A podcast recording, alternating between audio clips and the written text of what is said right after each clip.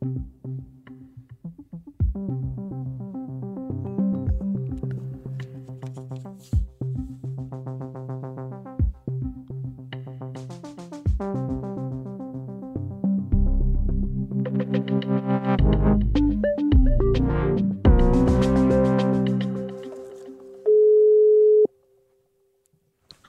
er Knud, Mathisen. Ja, hej Knud Mathisen, det er øh, Asger Juhl fra Den Uafhængige. Jeg er journalist. Jo, må jeg forstyrre dig et øjeblik? det afhænger bare, det drejer sig om. Jeg, jeg, jeg skal også lige sige, at jeg bonder til udsendelse, ikke også? Ja, Så det kan, det både, lige- det kan blive brugt imod dig, kan man sige. Ja, men uh, lad mig, vi, vi bare der drejer sig om. Jeg ved næsten, hvad der er. For nu har jeg snakket med samtlige journalister på dagbladene. Hvad? Og jeg sætter i et møde nu her, og jeg er lige ude for at slå en streg. Det kan lige godt være, at jeg siger, det var derfor, jeg tog telefonen. Står, står du med den i hånden? Hvis Ja. Nej. jo, telefonen. Hvad spørger, alle de, hvad, hvad, hvad spørger alle de andre journalister om, Knud? Ja, de, om årsmødet, og det har jeg ingen kommentar til. Mangler Dansk Folkeparti kant? Jeg siger, jeg har ingen kommentar før på den anden side af årsmødet. Nå. Har du, noget, har du noget kommentar til noget som helst i Dansk Folkeparti? Intet. Intet. Jeg udtager, vi er, jeg vil ikke føre øh, vores årsmøde igennem aviserne. Og det er ikke noget, jeg har opfra eller nedefra eller an- andre steder fra. Det er min helt klare holdning. Jeg udtaler mig ikke på den her årsmødet om noget som helst. Okay, så kommer Det jeg er der videre. til. Nej, det gør du ikke. Slet ikke. Okay, så må du hellere komme ind til mødet igen. Ja, det er godt. Tak for det. Godt. Hej. Nej. Så kom vi i gang med en øh, uafhængig morgen, og som I også kan høre på det lille bånd, jeg startede med at spille her, så kommer det til at handle en hel del om Dansk Folkeparti i dag. For i weekenden, der tror jeg, at Dansk Folkeparti brænder sammen. Jeg tror, knivene er seriøst visset forud for weekendens årsmøde i øh, Herning. I dag sætter vi de næste to timer massivt fokus på situationen i Danmarks måske mest pressede politiske parti. Vi får analyser fra kendere af dansk politik. Vi taler med stemmer fra baglandet. Og det alt overskyggende spørgsmål her til morgen er jo, om Dansk Folkepartis bagland er på vej til at vælte Christian Thulsen Dahl. I går meldte flere stemmer ud, at det ville være godt for partiet, hvis Pia Kærsgaard stillede op som formand igen. Hvis I lyttede med i går, så husker I måske, at jeg talte med hovedbestyrelsesmedlem Erik Hø Sørensen. Og da jeg spurgte ham ind til Thulsen Dahls lederskab kontra Pia Kærsgaards, så var det som om stemningen blev en smule anspændt. Dårlig stemning, det er vi ikke bange for her på Den Uafhængige, så vi fortsætter bare med at grave i øh, Dansk Folkepartis dårlige interne klima. Lars Løkke Rasmussen er på vej til at kunne tage fire år mere i Folketinget med sit nye parti. Moderaterne de har i hvert fald samlet mere end de 20.000 vælgererklæringer, der er nødvendige. Og dem har han samlet på rekordtid. Og hold nu op, hvor må det være mildest talt bittert at være frie grønne momentum, eller et af de der andre partier, der stadig er enten langt fra eller et godt stykke fra at kunne få lov til at stille op til Folketinget. For prøv at tænke over, hvor lidt politiske ambitioner og substans Lykke har løftet forud for de her vælgererklæringer. Og hold så det op med alle de øh, mediestunts, kan jeg vel godt kalde det, som eksempelvis Fri Grønne med Sikander Siddiq i front har forsøgt sig med. Lykke er på i næste time, og han skal selvfølgelig udspørges om de politiske visioner. Og så skal vi tale med en ægte folkehelt, i hvert fald hvis I spørger mig, nemlig Rasmus Visby fra Hillerød, der kører podcasten Visbys Verden. Han er nok det menneske i Hillerød Kommune, der har skabt flest grå hår i hovedet hos ledelsen i Hillerød Forsyning. Han har nemlig afdækket tårnhøje lønninger hos ledelsen, og så har han også været med til at afsløre, at selv samme ledelse kører i ekstremt dyre luksusbiler. Der kan vist ikke være tvivl om, at det er øh, fros med skatteborgernes kroner. Spørgsmålet er så, om skatteborgernes kroner i Hillerød stadigvæk bliver misbrugt. Det spørger vi Rasmus Visby om senere den her morgen. Det her det er en øh, uafhængig morgen. Tobias Julbrun Petersen og Nikolaj Jul sidder i redaktionen. Mit navn er Alexander Vils Norensen, og vi glæder os til de næste to timer. Hæng fat og velkommen ombord. Og vi starter naturligvis med Dansk Folkeparti, øh, som kommer til at fylde en hel del den her morgen. I weekenden der løber årsmødet af stablen. Partiet står øh, historisk dårligt i meningsmålingerne, og i den her uge har Ekstrabladet afdækket, at fem lokalformænd i Aarhus, Aalborg, Odense, København og Gentofte vil have Pia Kærsgaard øh, tilbage på formandsposten. Godmorgen, Joachim B. Olsen. Godmorgen. Politisk kommentator på Ekstrabladet. Kommer vi til at se et øh, Fremskridtspartiets landsmøde 2.0 her i øh, weekenden i Herning? Altså, jeg tror det ikke. Dels fordi, at det fremskridtslandsmøde fra 95, som er så legendarisk, det er jo også noget, der sidder dybt i mange DF-folk, Christian Tulsendal, Pia Kærsgaard osv. Øhm, det, det kan godt blive dramatisk. Ingen ved jo, hvad der kommer til at ske nu. Men når jeg ligesom kigger på det, så har jeg lidt svært ved at se, hvor det der, den der nedsmeltning skulle komme fra. Fordi det skal jo i hvert fald efter min opfattelse være noget med, at nogle af de helt ledende figurer i Dansk Folkeparti, øh, det kunne være Christian Tusinddal selv, som vælger at gå af, det tror jeg ikke, eller, eller han siger, at han vil have en ny næstformand af partiet, at det skulle være en René Christensen for eksempel, eller at Pia Kærsgaard selv går på talerstolen og siger, at Christian Tusinddal, han skal, han skal væk. Det tror jeg altså ikke, at, at, at hun gør. Det kan også være, at hvis en Peter Kofod ligesom stiller sig selv til rådighed som næstformand, han har jo været i sådan... Øh, der, der har jo været diskussion om det skulle være ham eller Morten Messerschmidt osv. Men, men som jeg kan gennemskue det, så vil han ikke have noget flertal øh, bag sig, hvis han skulle blive formand. Pointen er ligesom, hvis det sådan rigtig skal smelte sammen, så skal det være nogle af de ledende personer, der ligesom smider tændstikken på bålet. Der kan jo godt være masser af folk, øh, øh mere menige DF'er og sådan nogle af dem, der ikke er helt inde i inderkredsen, som vil give udtryk for deres utilfredshed osv. osv. Øh, men, men det tror jeg ikke fører til en, til en fuldstændig nedsmeltning. Men at det er et parti i en dyb krise, det er der ingen tvivl om. Men tror du, det hører jeg dig jo lidt sige, Christian Tulsendal, overlever han den kommende weekend? Det tror jeg, han gør, øh, fordi man kan sige, at dem, der gerne vil af med ham, sidder jo med det lidt store problem, at hvis det ikke skal være ham, hvem skal det så være?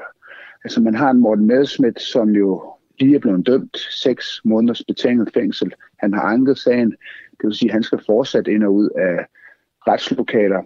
Skal det være en Per Kofod, øh, som jo sidder nede i EU, Øh, det er også lidt svært at se. Han er også ung, og jeg, han, spørgsmålet er nok også, om han i virkeligheden er helt klar til at overtage.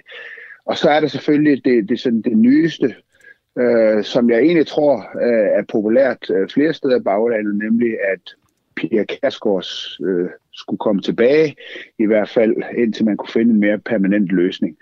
Men det er jeg, altså, jeg vil ikke afvise, at hvis der var fuldstændig opbakning til det, at, at sådan fra hele partiet, og det var et samlet øh, Dansk Folkeparti, der ligesom bare tryllede og bad hende om at gøre det, at hun ikke så ikke vil gøre det. Men jeg tror faktisk, at det er noget, hun vil være lidt skeptisk over øh, selv. Altså det vil være lidt underligt, hun skulle komme komme tilbage, og det vil også være meget risikabelt for, det vil også være lidt risikabelt for hende selv, fordi hun, hun man kan sige, hun vil jo risikere lidt at, at sætte sit, uh, sit eftermæle uh, på spil i det tilfælde, at det heller ikke var løsningen, at hun kom tilbage. Mm. Og, og, øh, og, og, og, og jeg synes jo noget, at man, man skal jo huske, hvorfor er det partiet er, er i krise.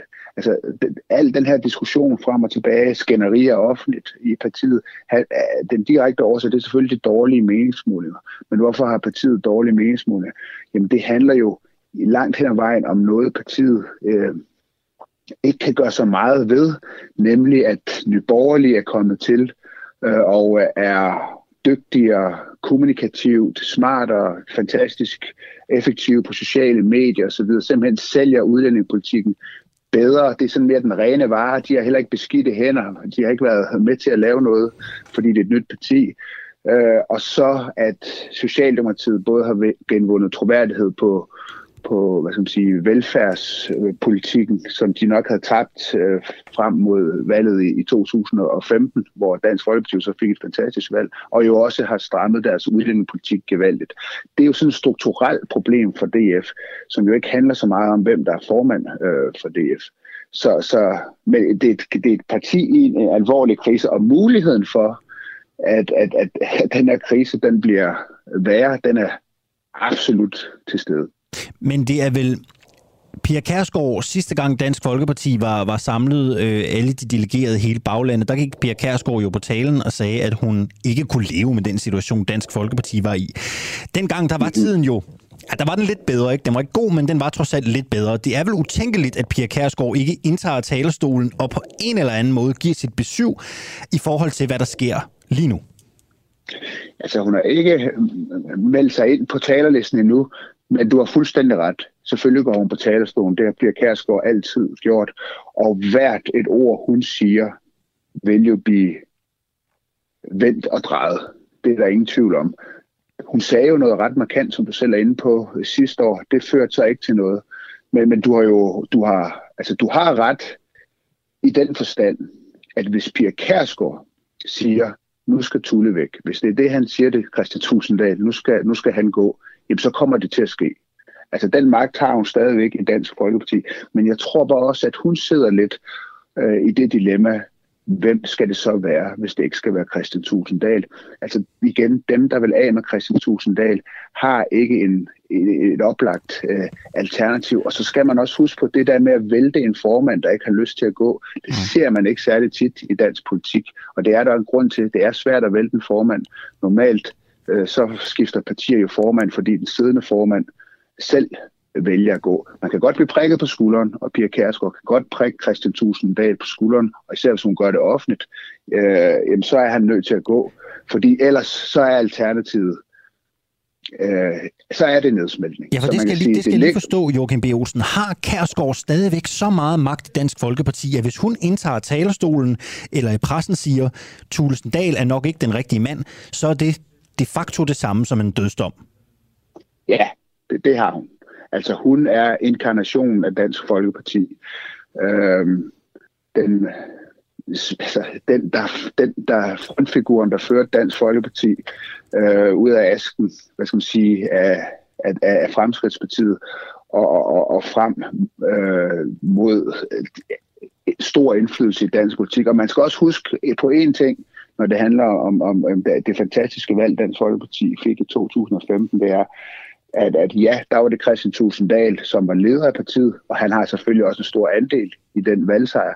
Men, men den enorme fremgang, Dansk Folkeparti oplevede øh, op til det valg i meningsmålen, den begyndte allerede under øh, Pia Kærsgaard. Men hun har den magt, ja. Øhm, vi, vi tager jo selv derover. I er også derover. Jeg tror, at hele den danske mediestand er til det der møde. Det er der givetvis ingen tvivl om. Øhm, jeg har kigget programmet igennem, og noget af det, jeg selv tænker kan blive spændende, det er jo de politiske forhandlinger. Det er der, hvor øh, mikrofonen er åben, og hvor salen ligesom kan indtage podiet og øh, give udtryk for holdninger. Hvad synes du, vi skal holde særligt øje med på landsmødet med, med din indsigt i, hvordan sådan nogen løber af stablen, og også det, du har øh, været med til at dække på Ekstrabladet her i den seneste uge?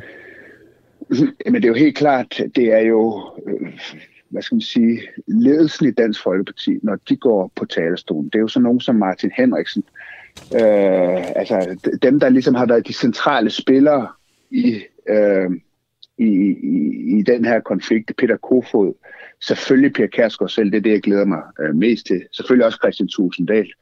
Øh, det, det, det er de her folk, og så er det, hvad de siger. Og så skal man jo holde øje med, om der er nogen, der kommer med en direkte udfordring øh, til Christian Tusinddal, direkte opfordrer ham til øh, at gå. Så er det, altså, der er ingen tvivl om, at situationen den er meget vol- volatil. Altså, den er springfarlig, farlig, og der er, og der er masser af benzin på bålet. Spørgsmålet bare er, om der er nogen, øh, der, der kan tænde det, og det er ikke, det er ikke hvem som helst.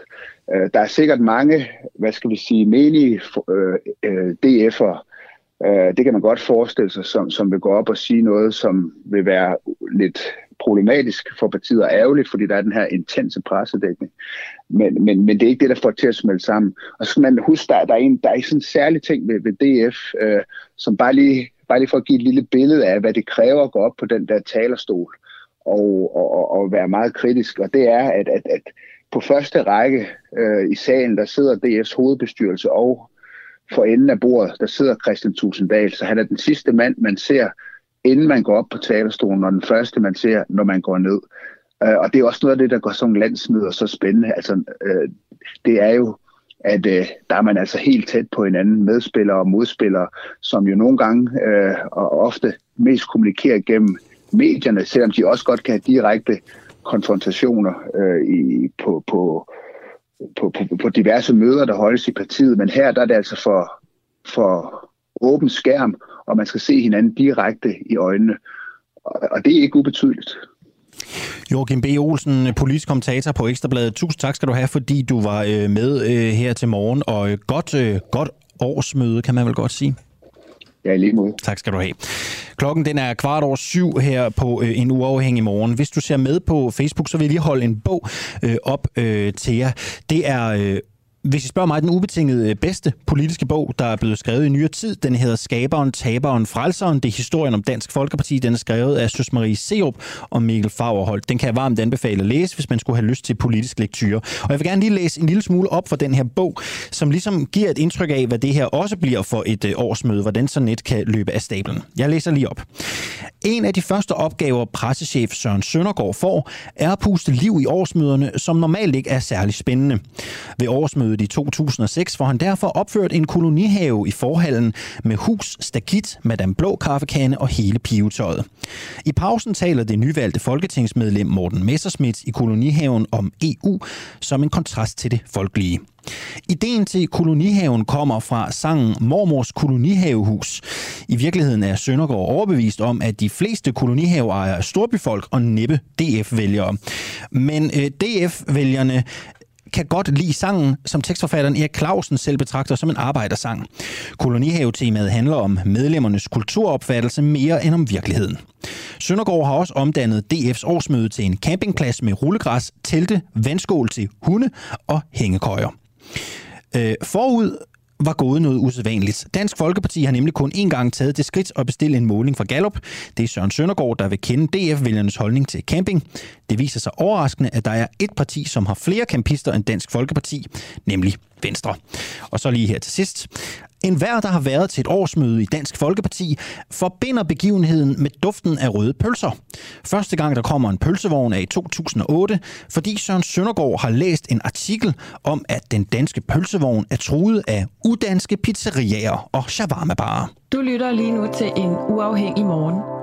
Kritisk, nysgerrig og levende radio, som politikerne ikke kan lukke. Vi sender live alle hverdage fra klokken 7 til 9. Lyt med via vores app på DK4 DAB, fra vores Facebook-side, eller hvis du bor i hovedstadsområdet på FM-båndet 102,9. Tak til dig, som gør det muligt. Skal det koste 1000 kroner at sælge billeder af dansk natur? Det er spørgsmålet, vi skal kredse om nu. For Torben Hedegaard, han er fotograf, og han har modtaget en regning. Den står jeg med her. Den kommer fra Naturstyrelsen. Han har modtaget regningen, fordi han har solgt billeder, som er taget i et område, der tilhører Naturstyrelsen. Godmorgen, øh, Torben Hedegaard. Øh, godmorgen. Du er amatørfotograf, og du har fået den her regning. Hvor er det, du har taget et billede henne? Jamen, det er jo i Naturstyrelsen Thys område i Nationalpark Thy. Ja, og, og, Så, og hvad er det, du har taget billeder af? Jamen, det er jo lidt af alt. Altså, Naturstyrelsen, de står jo på lidt mere end 70 procent af, af hele areal, som Nationalpark Thy består af. Og så man kan ikke gå ret mange steder, hvor de ikke har deres øh, matrikler altså på, i det areal. Så der, jamen, altså, jeg elsker at gå derude, så jeg har altid mit kamera med, og jeg tager masser af billeder derude. Og ja, så er det jo så, at jeg kommer i Galdersdag i det øjeblik, jeg bliver øh, momsregistreret for mit CVR-nummer. Og, øhm, og begynder at, at, at lave en, en lille bæks ud af det, sammen med en masse andre ting, jeg har i gang i. Jo. Ja. Øhm, jeg læser lige op fordi du har ja. fået et, øh, du har fået en, en mail, eller du har fået en henvendelse fra Naturstyrelsen. Øh, der står, vi bliver ja. gjort opmærksom på, at du har foretaget erhvervsmæssig fotografering med drone på de arealer, der forvaltes af Naturstyrelsen Ty. Hverken erhvervsmæssig ja. fotografering eller droneflyvning må finde sted uden lodsejers tilladelse, og disse tilladelser kan være betinget af et gebyr. Læs mere om vores politik på området, bla bla bla. Øh, hvorfor ja. er det helt konkret, du skal betale den her bøde? Hvad er det begrundelsen er? Det står jo lidt her, men hvis du skal sætte ord på det, hvorfor er det, du skal betale? Jamen, altså, jeg vil gerne sige, at hvis du optræder som en privatperson, så må du, nu lige den her anmeldelse, den kommer på et billede af Lodbjerg Fyr, som ligger ude i Nationalpark mm-hmm. Øh, optræder du som en privatperson, så må du flyve lige så tosset du vil derude. Der er ingenting, der er ingen restriktioner. Øh, de omkreds af 200 meter fra fyret så, så der må du gerne være med en drone, og du må flyve lige så tit du vil. Bare du, ikke, bare du overholder alle de restriktioner, der nu er. Altså med, at du må ikke overflyve mennesker og så videre. Der skal holdes afstand. Og, så, og der er ingenting, og der er heller ingen øh, restriktioner i luften. Og sådan noget. Der er jo en, en, en app, man kan bruge, så snart du har en drone i luften, for at finde ud af, hvordan det er. Så der er ingen problemer. Men så i og med, at jeg har fået CVR-nummer, så mine fødder, de står på Naturstyrelsens arealer så er der lige pludselig helt andre spilleregler i gang, og dem kender jeg jo ikke. Øh, hvor, hvor pokker skulle jeg vide det fra? Øh, øh, det, er jo, det er jo nogle regler, der står inde på Naturstyrelsens side, og dem finder du først efter en 3-4 klik, når du er kommet derind. Øh, det er jo ikke noget, der er oplyst nogen steder, så, så man kan jo kun komme galt afsted. Normalt, når man færdes på Naturstyrelsens arealer, så er der jo en masse skilte, når man bevæger sig ind i et område, hvor der står, hvad man må og hvad man ikke må, så man ikke lige øh, gør noget, man ja. ikke må. Var der nogen skilte eller noget andet på noget som helst tidspunkt, Nej. der advarede dig mod, at det her, det må man ikke? Nej, det eneste skilte, der er, det er, at hunden skal føres i snor og så videre. Der står jo ikke en skid om sådan noget her. Mm. Øh, det er jo en af de ting, øh, som jeg faktisk har prioriteret lidt, og jeg, der gik telefonen ud. Jeg er slet ikke færdig med Torben Hedegaard. Øh, Nikolaj, kan vi, ikke bare, kan vi ikke ringe ham op igen? Øh, jeg synes, det var ved at blive ret interessant. Øh, det Torben Hedegaard, han siger, det er, at han har fået den her bøde på 1000 kroner, men der var ikke nogen skilte eller noget andet, der fortalte ham om, at man ikke måtte øh, tage billeder, hvis man var erhvervsdrivende eller noget som helst andet. Så hvor fanden skulle han egentlig vide det fra? Øh, vi prøver at se, om vi kan få fat på ham igen. Vi er ikke bange for stillhed her på kanalen. Vi venter bare i spænding. Dette er telefonsvaren tilhørende. Okay. Det kan godt være, at vi bare springer videre, øh, Nikolaj. Klokken er alligevel... Øh, skal vi lige give den et skud med? Ja, vi prøver bare igen. Vi er jo en lille nystartet radio. Det her sker jo en gang imellem. Spørgsmålet er, om, du, Hej Torben. Er, er vi på igen? Ja, er vi på ja, igen, vi er på igen. Ja, ja, du er direkte på, bare så du ved det, så ja. du ikke slår en bøvs eller gør et eller andet andet upassende. Ja, det, er, du er det, er, det, er, det, er, det er langt ude på landet, så det er ikke sikkert forbindelsen er alt for god. Ah, ved, du hvad, det, ved du hvad, så ringer vi bare op igen. Uh, Torben, lad os lige, uh, bare lige for at summere op, hvor vi nåede til. Altså, der er ikke nogen skilte eller noget som helst andet, der advarer dig mod, at du ikke måtte Nej. det her. Nej. Hedegaard, så lad mig lige høre en gang. Uh, prøv at du er erhvervsdrivende, du er fotograf, uh, du er ude at tage billeder. Uh, helt ja. alvorligt, bør du ikke hjemmefra undersøge, hvordan reglerne er, inden du bevæger dig ud og gør det her. Altså det er der jo mange andre, der mener, at det må ligesom være minimum, man kan forvente, at man som erhvervsdrivende sætter sig ind i. Burde du ikke have gjort jo. det hjemmefra? Jo, selvfølgelig, men hvor pokker skulle jeg vide det fra? Der er jo ikke, det er jo ikke noget, der er oplyst nogen steder. Så du kan ikke, øh, oh, oh, lige et øjeblik, du kan ikke læse dig til det her nogen steder? Altså kan man overhovedet Nej, ikke nogen du, steder læse dig til, at du ikke må det her? Jo, hvis du går ind på Naturstyrelsens hjemmeside, hvis du går derind og kigger, ja. så skal du scrolle helt ned i bunden, og så står der en eller anden, så er der en vind. Jeg tror, det... Fra Naturstyrelsens areal, og sådan en eller anden ting. Ja, og så skal du klikke på den, og så skal du yderligere to klik længere ind, for at kan finde ud af, hvad det Ja, ja prøv, så, det, så du... det er med på, informationsarkitekturen på hjemmesiden kan være træls. Men, men bør du ikke sætte dig ind i det her og, og lave det forarbejde, der er nødvendigt, så havde du undgået at få bøden. Jamen, hvordan skulle man vide det, at der er lige pludselig andre, der er i spil? Ja, det, det, ved, jeg, det ved jeg ikke. Det kan man jo til synligheden læse sig til derinde, hvis man klikker langt nok. Ja, ja, men så kan du jo ligesom begynde at læse på samtlige sider, der ligger på nettet. Altså, du kan ikke finde det. Du kan ikke finde det. Det skal, det skal være noget, der skal være... Der skal, det skal træde frem med det samme, når du åbner sådan en side der. Har du CVR-nummer? Skal du ud og lave mm. videoer? Skal du ud og tage billeder? Eller hvad skal du lave? Så skal, så skal du betale dit og dat. Det skal stå der med det samme. Det er jo ikke noget, der skal stå via, via 3-4 klik øh, ind i, på en hjemmeside. Hedegaard, det ikke. Øh, vi, om lidt så giver vi den dårlige telefonforbindelse en pause. Jeg skal bare til sidst høre, har du tænkt dig at betale de 1000 kroner?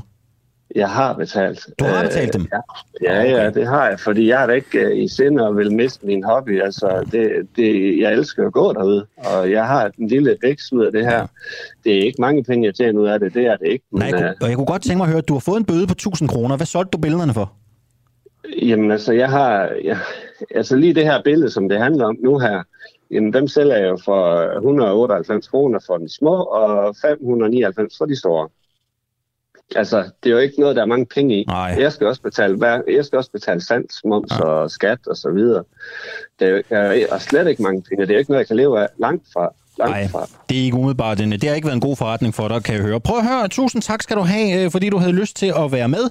Og øh, ja. så må du have en øh, god morgen og øh, ud og lege med kameraet i weekenden. Ikke? Tak skal du have, for ja, du havde lyst til at være. Det er super. Ja, det er godt. Hej. 25 minutter over syv er klokken her på en uafhængig morgen. Og om lidt så skal vi tale om øremærket barsel, som jo har været en af ugens helt store øh, historier. For noget tyder på, at, øh, at øremærket barsel er på vej. Altså far og mor får øh, lige meget øh, barsel. Øh, og, øh, og det er jo så åbenbart noget, som øh, politikerne til synligheden skal beslutte. Spørgsmålet er, om det er en god idé eller ej. Vi taler med en, som er for. Det gør vi lige om lidt. Hvis du har lyst til at få mere af den slags journalistik, som vi bedriver her på øh, en uafhængig morgen, så er øh, der rig mulighed for at støtte os. Det kan du gøre inde på vores hjemmeside. Den hedder dua.dk. Øh, dua.dk øh, hedder øh, hjemmesiden, og øh, her kan du øh, støtte os. Det koster 39 kroner om måneden, eller 349 kroner for et år. Øh, du kan også gøre noget helt andet. Du kan have fat din telefon lige nu, mens du lytter til mig. Så kan du skrive UA, som i Ulla Anders, og så kan du sende den til 1245. Så modtager du et link tilbage fra os, og så kan du melde dig ind helt let, uden overhovedet at tænde din øh, computer. Godmorgen, Christiane Vejlø. Godmorgen. Du er, øh, du er tech-ekspert, øh, du er øh, debattør, det er, den, øh, det er den funktion, du øh, deltager her i her til morgen, og du er med, fordi vi skal tale om øremærket øh, barsel. Øh, er det en god idé? Det er en super god idé. Ja, hvorfor? Det har jeg talt meget varmt for i mange år, så ja. det er jeg kun glad for, at der kommer skub i. Hvorfor er det en god Hvorfor? idé? Jamen det er det jo, fordi at det jo ikke sker. Altså vi ser jo, at kvinderne tager aller, allermest barsel, og rigtig mange mænd, øh, hvis de tager noget, så tager de måske lige de første par uger der, mm. øh, og så er det ellers tilbage på arbejdet. Og det betyder altså en skævvridning, som jeg og rigtig mange andre mener er med til at skævvride ting, op gennem rigtig mange år. Altså, har du et konkret hvis... eksempel fra din ja. egen hverdag, hvor... Øh, Nå, fra min egen hverdag? Ja, eller fra din omgangskreds, hvor det her Nej, har været et problem? Nej, øh, altså, jeg har jo jeg insisterede jo faktisk på, at øh, mit barns far tog barsel. Mm. Øh, og det havde jo noget at gøre med, at det er jo et ligestillingsprojekt, det her. Så det er jo ikke kun et ligestillingsprojekt for kvinder, men var det, bøvlet, komme... var det bøvlet for ham, Fejlø? Altså, var det bøvlet for ham til at tage den barsel øh, dengang? Øh, ja, lidt, faktisk. Nå. Altså, han var ikke sådan... Øh, altså, han var, han, er ikke, han var ikke stor fan af barsel, øh, og det, det tror jeg, det, som der er mange, der synes, det er lidt småkedeligt nogle gange. Men sagen er den, at der er to mennesker, der får børn. Og det, de må simpelthen komme ind i kampen begge to, især fordi, at mænd på et senere tidspunkt øh, står dårligt i en skilsmissesituation for eksempel, øh, i alle mulige andre situationer, fordi moren har haft et forspring, så det er hende, der ender med at tage sig af alle mulige praktiske ting, forældremøder og det ene og det andet. Øh, så der laver øh, det en skævvridning mellem mand og kvinde til øh, ulempe for manden. Og så kan man sige, at den anden ligestillingsproblematik, det er, at kvinder, som er lang tid væk fra arbejdsmarkedet, øh, de simpelthen, øh, det kan vi se på statistikkerne, at de får dårligere løn, og deres karriere flader ligesom ud. Øh, og rent konkret kan man jo sige, jamen altså, der sidder en, en arbejdsgiver og skal ansætte kvinder, og de ved jo, selvom at det er ulovligt at, at spørge, om du skal have børn, så ved de jo, når de ansætter mm. kvinder, så er der sandsynlighed for lang varsel, og hvis de ansætter mænd, så er der ikke. Du må undskylde, øh, hvis, jeg, du må undskylde hvis, jeg, hvis, hvis jeg afbryder lidt. Det er kun fordi tiden er knap, ja. og jeg, har, jeg er nysgerrig. Jeg har mange spørgsmål. Jeg er bare begejstret for, øh, for det her. Skide godt. Øh, Vejlø, øh, jeg synes jo, altså sådan helt seriøst, jeg tænker personligt, at det her kan ikke være så stort et problem, at det er noget, øh, staten skal blande sig i. Altså, ved du noget andet? Altså, øh, fra din Jamen, det gør jeg da, fordi ved jeg du, ved, at, at, det, man at, kan at... se på, øh, på tallene. Altså, du kan jo se på tallene, det ikke sker. Og når folk som dig for eksempel øh, vil kunne finde på at bruge ordet som selvbestemmelse, og det skal familierne selv finde ud af, mm. så kan man jo bare se, at selvbestemmelse er kun en teoretisk ting. Fordi når Bjarne i Ringkøbing, han kommer hen på maskinstationen og siger, jeg vil gerne tage en masse måneders barsel med mit barn, så er der ikke nogen, der har gjort det før. Og der er ikke en kultur, der ligesom understøtter det. Og derfor bliver det enormt svært at få sat i gang de steder, hvor det ikke er altså øh, København med et akademikermiljø, hvor der også er nogle andre, der gør det, og, og, og, og så tænker vi, jamen det kan da vel ikke være så stort et problem. Det er det altså i rigtig mange miljøer i Danmark, så vi bliver nødt til at skubbe på reguleringsmæssigt for at få det til at ske. Man taler jo rigtig meget om, og det gør du også, øh, blandt andet karriereaspektet, altså at der skal være, øh, at det skal ikke være hårdere for øh, mors karriere, end det skal være for fars karriere. Altså at man, skal, at man er to om projektet, og far og mor skal dele Hvor er børnene i det her? Fordi det handler vel til syvende og sidst om barnets tag. Hvad der er bedst for det, gør, det handler da rigtig meget om barnets tag, men børn, børn øh, vil jeg våge at påstå, har rigtig godt af at være sammen med deres far. Øh, og lige så godt er det, som de har ved at være sammen med deres mor. Så, så selvfølgelig øh, er det da lige, altså der er der ikke, øh, mor er der ikke bedre end far, så selvfølgelig skal far der bare ind i kampen og, og være ligestillet i forældreskabet. Og det, det, bliver, det bliver han ikke, hvis han ikke får lov til og, øh, at tage den her barsel og komme på banen mm. helt, helt fra starten af. Det her det var jo en del af SR-regeringens regeringsgrundlag. De fik det ikke igennem. Øhm, hvorfor tror du, at folkestemningen har ændret sig? Øh... Jo, men der sker jo heldigvis hele tiden noget. Altså både i forhold til, at mændene øh, godt kan se, at øh, hvorfor skulle jeg ikke have lige så meget rettighed til at gå på barsel som, øh, som min kone, lige så stor en mulighed for det. Altså mange vil jo sige, jamen det kan de jo bare tage den barsel. Jamen igen tilbage til, det er ikke, øh, til selvbestemmelsen er kun teoretisk. Det er enormt svært i praksis for rigtig mange.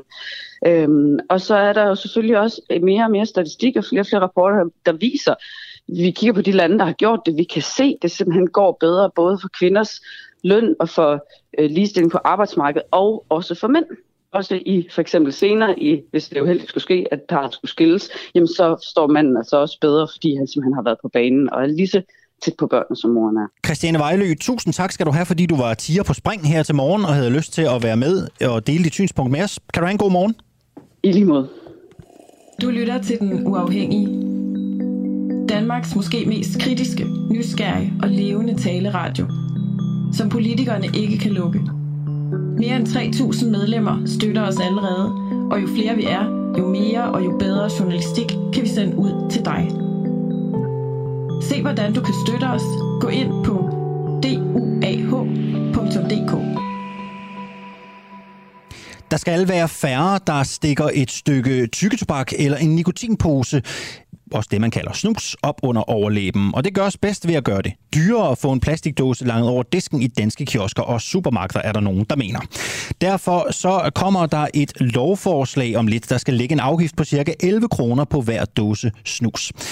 Kreativiteten i tobaksindustrien er jo enorm. Vi kan se, at de gør en meget stor indsats for at få det her produkt introduceret til unge. Det vil vi gøre alt, hvad vi kan for at forhindre, fordi det ikke er sundt og skaber afhængighed, det siger skatteminister Morten øh, Bødskov. Og i dag kan jeg så sige som ren public service, at de billigste snusdåser, de koster cirka omkring 30 kroner. Vi sætter fokus på øh, det her med snus. Det gør vi om cirka 8 minutter, når jeg taler med Liselot Blikst.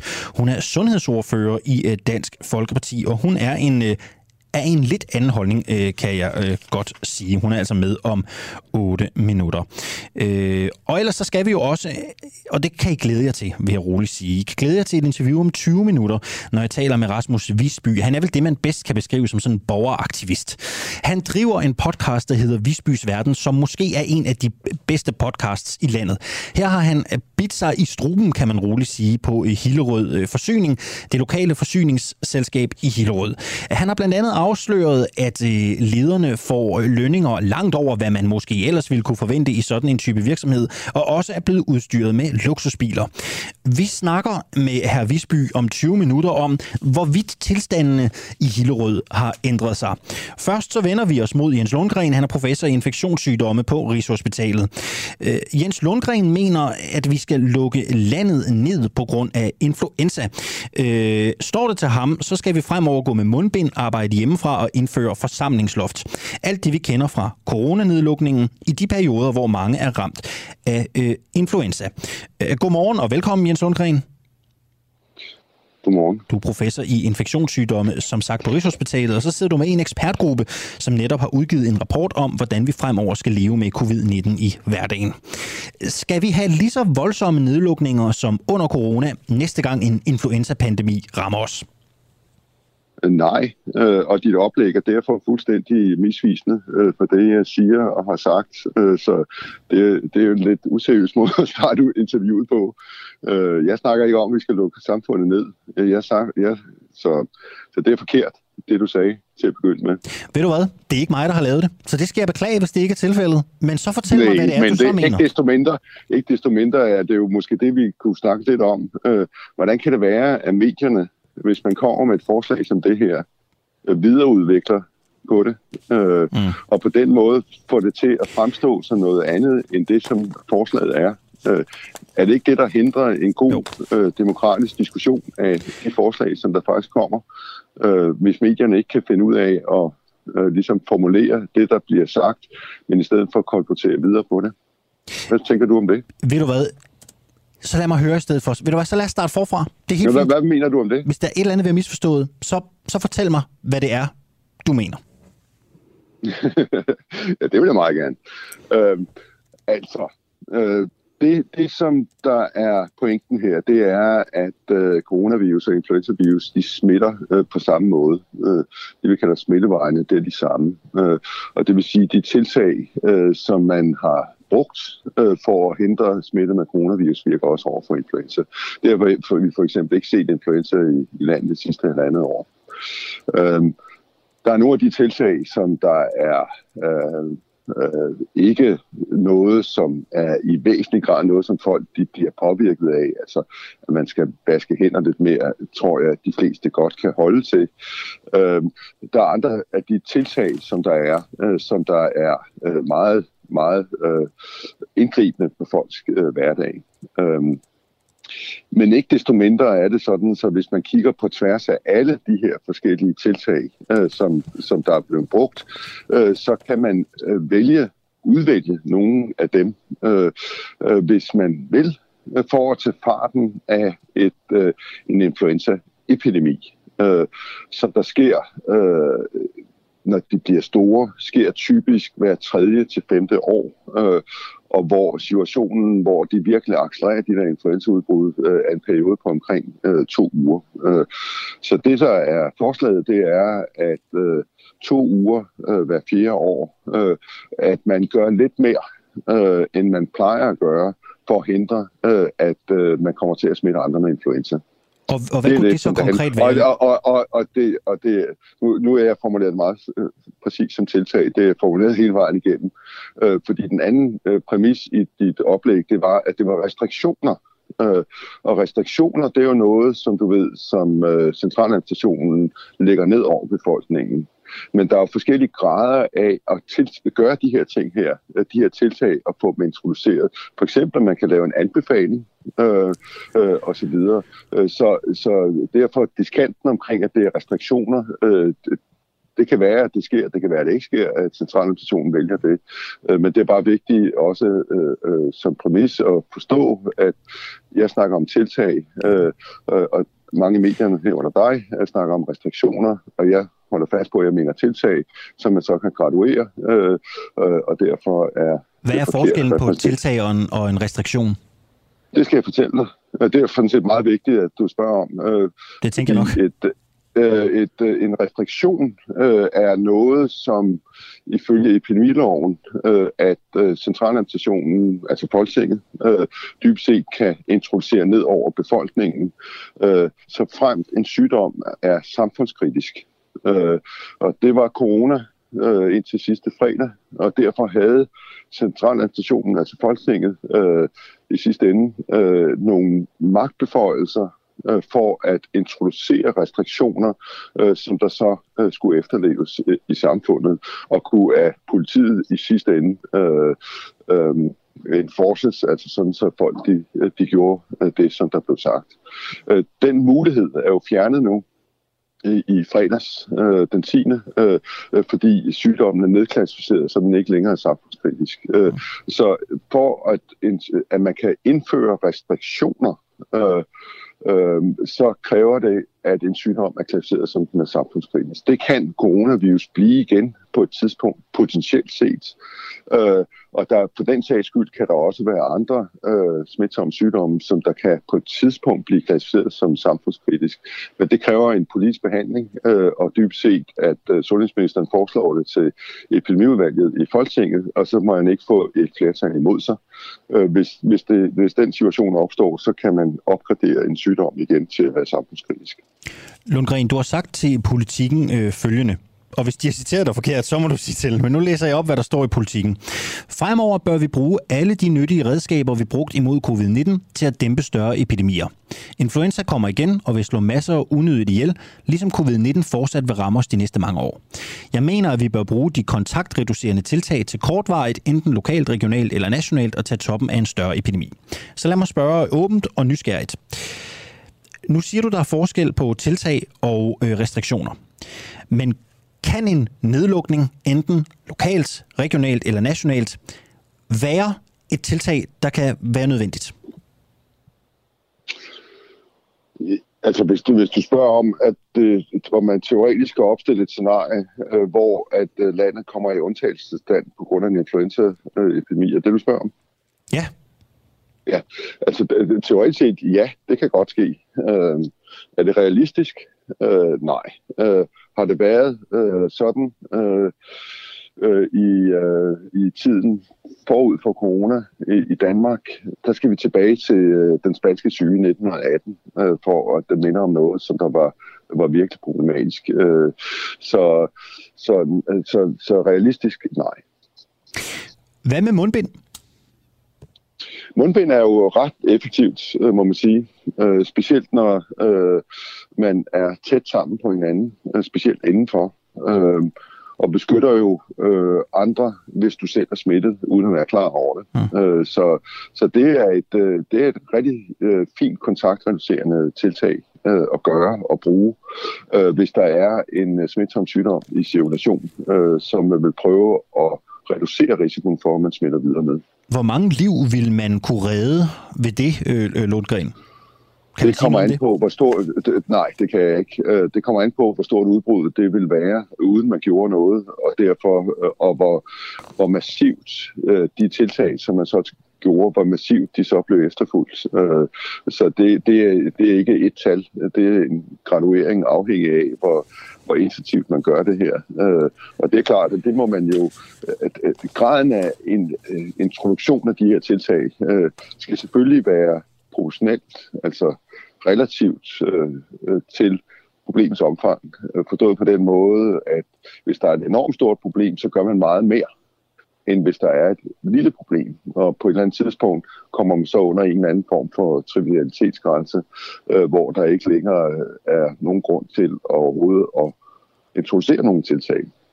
Så, så det er en gradueret ting, øh, og, og det kan man, man kan bestemt regne på de her ting her, øh, og derfor ligesom øh, målbart øh, sådan lave en trinstige af, hvad man så kan gøre, øh, altså hvor man kan intensivere, eskalere øh, øh, de tiltag øh, afhængig af, af epidemiens størrelse.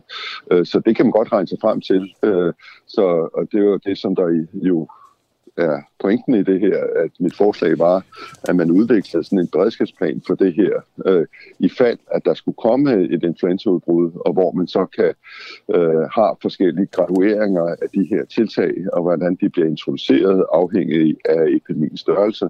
Øh, og sådan, så man ligesom får det diskuteret igennem og sat det på plads, øh, øh, før at øh, situationen opstår. Øh, så men altså, det må jo, igen må jeg jo sige, at uh, selvom forslaget faktisk var velment, uh, uh, så har uh, man ikke evnet uh, for stor del af pressen at faktisk uh, præsentere det for det, det var. Uh, og derfor er diskussionen røget lidt ud i alle mulige uh, kanter. Uh, Men ved du hvad, Lundgren, så fik vi jo alligevel, vi mødte jo alligevel hinanden på midten her til morgen. Så fik vi jo alligevel præciseret, hvad det var, der var tale om. Synes jeg da. Ja, ja. Jo, jo, men, men det kan, du kan også sige, at du er journalist, altså hvis progressionen og misrepræsentationen af ens synspunkter er et værktøj til at komme frem til at få forklaret, hvad det egentlig Jeg skal være den om. første til at sige, hvis vi har misforstået altså, noget, det er så det, som der er, i hvert fald.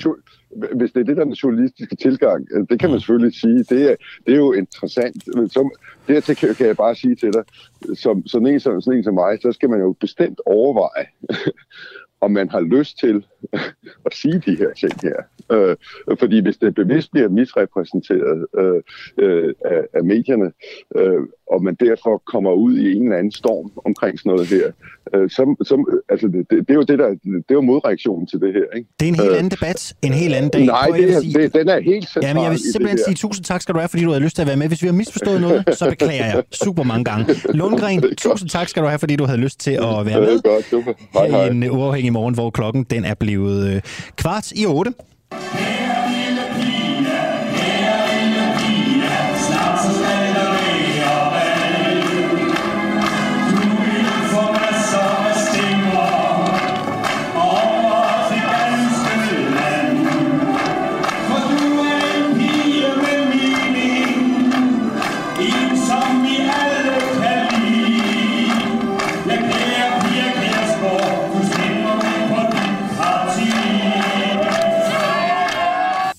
Ja, det her det er fra dengang, at alle var fryd og gammel i øh, Dansk Folkeparti, hvor humøret var højt, og hvor der var overskud til at få Richard Ravnvald til at komme og optræde med en øh, omskrivning af øh, kære lille mormor.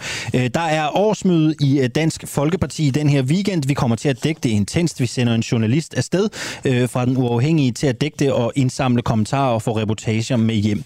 Senere den her morgen, der skal I høre et øh, bånd med Peter Kierfalvi fra Slagelse Lokalforening i Dansk Folkeparti.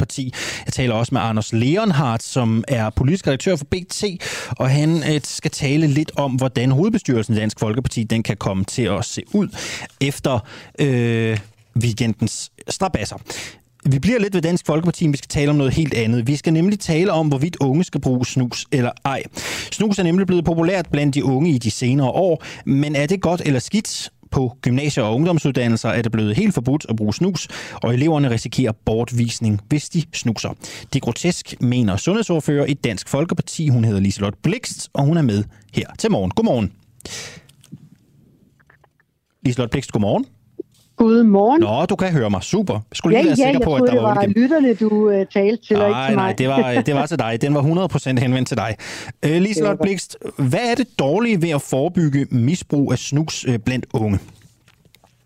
Jamen, øh, det jeg synes, der er underligt, det er, at vi selvfølgelig gerne vil have unge mennesker til ikke at ryge, fordi at det er noget, man får kraft af. Øh, så er der rigtig mange, der så bruger nogle andre ting, som øh, snus for eksempel, øh, og e-cigaretter. Og det vil man så også gøre forbudt. Og det vil sige, at det, som faktisk kunne få de unge til at lade være med at ryge, det forbyder man nu, og så synes jeg, at den her kontrol af de unge, den er simpelthen gået for vidt. Altså, øh, det, er jo, det, det nærmeste det er, at de skal åbne munden og, og kontrollere, om de har en snuspakke i munden, før de kommer ind på et... Øh, Mener du, det er en, godt af unge mennesker at tage snus? Jeg synes, det er bedre, at de tager snus, end at de ryger. Men synes du, det er godt, at de tager det? Eller kan du godt forstå, at nogen gerne vil øh, gøre noget for, at de ikke tager det i lige så høj grad? Nej, altså jeg synes, øh, vi er alle sammen øh, frie mennesker til at selv vælge, hvilken vej vi skal leve. Og mange af de unge, de er også over 18 år. Så, så jeg undrer mig over, at øh, vi skal have den her øh, kontrol af nogle mennesker, som faktisk gør noget for ikke at ryge. Mm. Øh, og derved så øh, gør man det her øh, som en, en, en hets mod alt, hvad der bliver af nikotinprodukter, og der synes jeg, at man tager helt fejl. Altså, der er blevet lavet rigtig mange studier, øh, fordi man øh, kom frem med, at det skulle være kraftfremkaldende at bruge snus, men øh, studier øh, har også vist, at jamen, der er ikke nogen øh, dødsfald i brug af snus. Vi kan se, at svenskerne i mange år har brugt snus, øh, stadigvæk gør det, og at de har færre krafttilfælde end i Danmark. Så det her med, at vi så Synes du, det er et godt produkt? Jeg bruger ikke snus, så øh, jeg øh, bryder mig ikke om det. Men vi kunne jo se, hvad der skete, da man forbød snus øh, i Danmark. Der gjorde man det jo endnu mere interessant at bruge det. Og det er bare den vej, vi går. Altså i, i går hørte vi så, at unge de begyndte at sætte snuspakkerne andre steder. Det må man sige. For at kunne optage det. Og man, man tænker, jamen hver eneste gang, man laver nogle øh, forbud, så sker der bare en, øh, en anden måde at gøre tingene på, og måske noget, der er endnu værre. Men jeg synes, det er interessant. Det er faktisk interessant, hvad du siger, øh, Liselotte, ikke? fordi øh, snus afholder nogen fra at ryge, siger du. Det er et, et, et, et mildere produkt. Mm. Synes du, intentionen med snus, altså er intentionen med snus så god, der slet ikke skulle være nogen som helst former for øget afgifter eller forbud mod at indtage det på skoler overhovedet? Ja, jeg synes faktisk, at øh, nu taler man om at sætte prisen op øh, på, på de her øh, snusprodukter, de her hvide poser, som faktisk ikke er tobak i. Øh, dem vil jeg nu sætte prisen op på, øh, selvom man ved, at mange allerede i dag køber det andre steder. Øh, man gør det endnu sværere, øh, og man påstår, at det er fordi det er nikotinen, men samtidig så, øh, så kan man jo købe andre nikotinprodukter, som er, kommer fra lægemiddelfirmaer. Øh, så, så jeg synes, at øh, det er en det er en skævvridning af det hele, fordi kan vi få folk til at holde op med at ryge ved at bruge snus eller e-cigaretter, så er det da en øh, vindersag. Altså i stedet for, at vi gør alting forbudt. Altså nu forbyder man også væsker øh, med smag i til e-cigaretter. Øhm, og det, det har fået rigtig mange til at holde op med at ryge. Og det var det, der skulle være hovedsagen. Det var, at vi skulle få folk til at holde op med at ryge cigaretter, fordi de giver kraft. Når de så bruger et alternativ til det, så forbyder man også det. Øh, og en ting er, det så forbudt, men så er det den øh, krig, der er mod de unge. Altså jeg får breve fra mødre, der har øh, børn, som bliver passet op et kvarter før skoletid, øh, fordi de står med en cigaret øh, på en parkeringsplads ja. lidt fra skolen, og så får de at vide, at de må heller ikke det her kvarter før skoletiden øh, ryge, for så kan de blive smidt ud. Og jeg er bange for, at det her koster nogle af de svageste elever, øh, deres skolegang og derved en uddannelse. Prøv lige, Lotte, man, kunne jo også, man kunne også gå en helt anden vej. Man kunne sige, ud fra det du siger, snus er et mm. produkt, der gør, at øh, nogle af dem, der har røget, holder sig for det. Så kunne man jo også stille et forslag, der hedder, at vi vil sænke prisen på det. Det skal være billigere, og man kan opfordre uddannelsesinstitutionerne til at sælge det i øh, kantinerne. Hvad synes du om det? Så kunne I også trække, trækkes nogle unge vælgere i Dansk Folkeparti. Kunne det være en idé? Nej, fordi det er ikke fordi, jeg vil have vælgere. Det er fordi, jeg synes, at, øh, at man øh, gør Jamen, nogle synes du, det kunne være en god idé? Som... Kunne det være en god idé, Nej, hvis det var billigere? Nej, det synes jeg ikke, fordi det, det ligger på et prisniveau nu, hmm. hvor øh, folk køber det. Jeg synes jo ikke, det er billigt i forvejen. Når jeg kigger på priserne, øh, hvad jeg kan se, så de her runde æsker koster en 40 kroner eller sådan noget lignende. Ja, en 30-40 kroner er vist rigtigt. Ja, det er ikke sådan, ja. Øh, så det, det synes jeg ikke. Øh, og jeg har selv prøvet at smage det, og jeg synes, det smager afskyeligt. Mm. Så, så, men, men jeg kommer selv fra Sverige af, og jeg har mange øh, i min familie i Sverige, som har brugt snus i, i rigtig, rigtig mange år. Og øh, ikke generer andre med det, men har det som et tilvalg. Og hvorfor skal vi bestemme over, hvad folk putter i munden?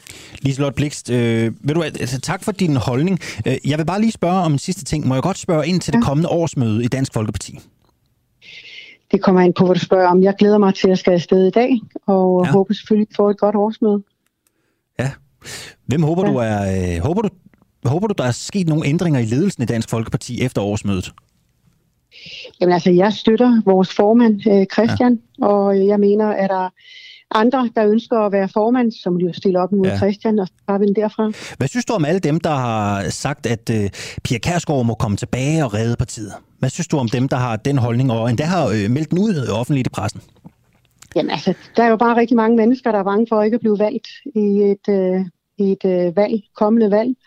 Øh, og det er det, vi hører. Så okay. Øh, det er frustrationer og ængstelse for ikke at komme ind, fordi de ser, at der er en uh, nedgang. Okay. Og øh, ja, ved du hvad. Jeg synes, vi tager den på årsmødet, og så håber jeg, at øh, vi alle sammen får, får visket tavlen ren, og så øh, fortsætter vi derfra.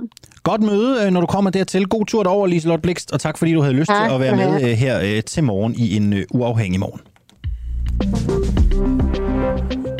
hvor klokken den er blevet 7 minutter i 8. Den afdøde prins Philips testamente vil forblive en hemmelighed i mindst 90 år for at beskytte det britiske kongehus privatliv. Det har en domstol besluttet øh, torsdag ifølge nyhedsbyrået Reuters, øh, og det skriver Ritzau. Testamenter er jo normalt offentlige dokumenter i Storbritannien, men det gælder altså ikke i prins Philips tilfælde. Hans testamente det skal forsejles efter domstolens beslutning og bevares uden for mediernes søgelys, i hvert fald i de næste 90 år. Her på en uafhængig morgen øh, dykker vi om lidt ned i misbrug af Hillerødborgernes skattekroner. På den anden side af klokken 8, helt præcis 10 minutter over 8, der taler vi med Lars Lykke Rasmussen, som tror jeg i hvert fald kan se frem til en ekstra periode i øh, Folketinget. Og vi skal selvfølgelig høre om Lars Lykke Rasmussens nye parti adskiller sig fra Venstres politik. Fordi det der med politikken i Moderaterne, det ved vi jo ikke meget om endnu. Øh, godmorgen, Rasmus Visby. Godmorgen. Hvad skal jeg kalde dig? Øh, podcaster, borgeraktivist? Øh, hvad, hvad, hvad vil du gerne? Hvad skal vi kalde dig her til morgen? Jamen, øh, vi kan jo kalde os, vi kan jo kalde mig borgerjournalist. Borgerjournalist. Det, vi prøve.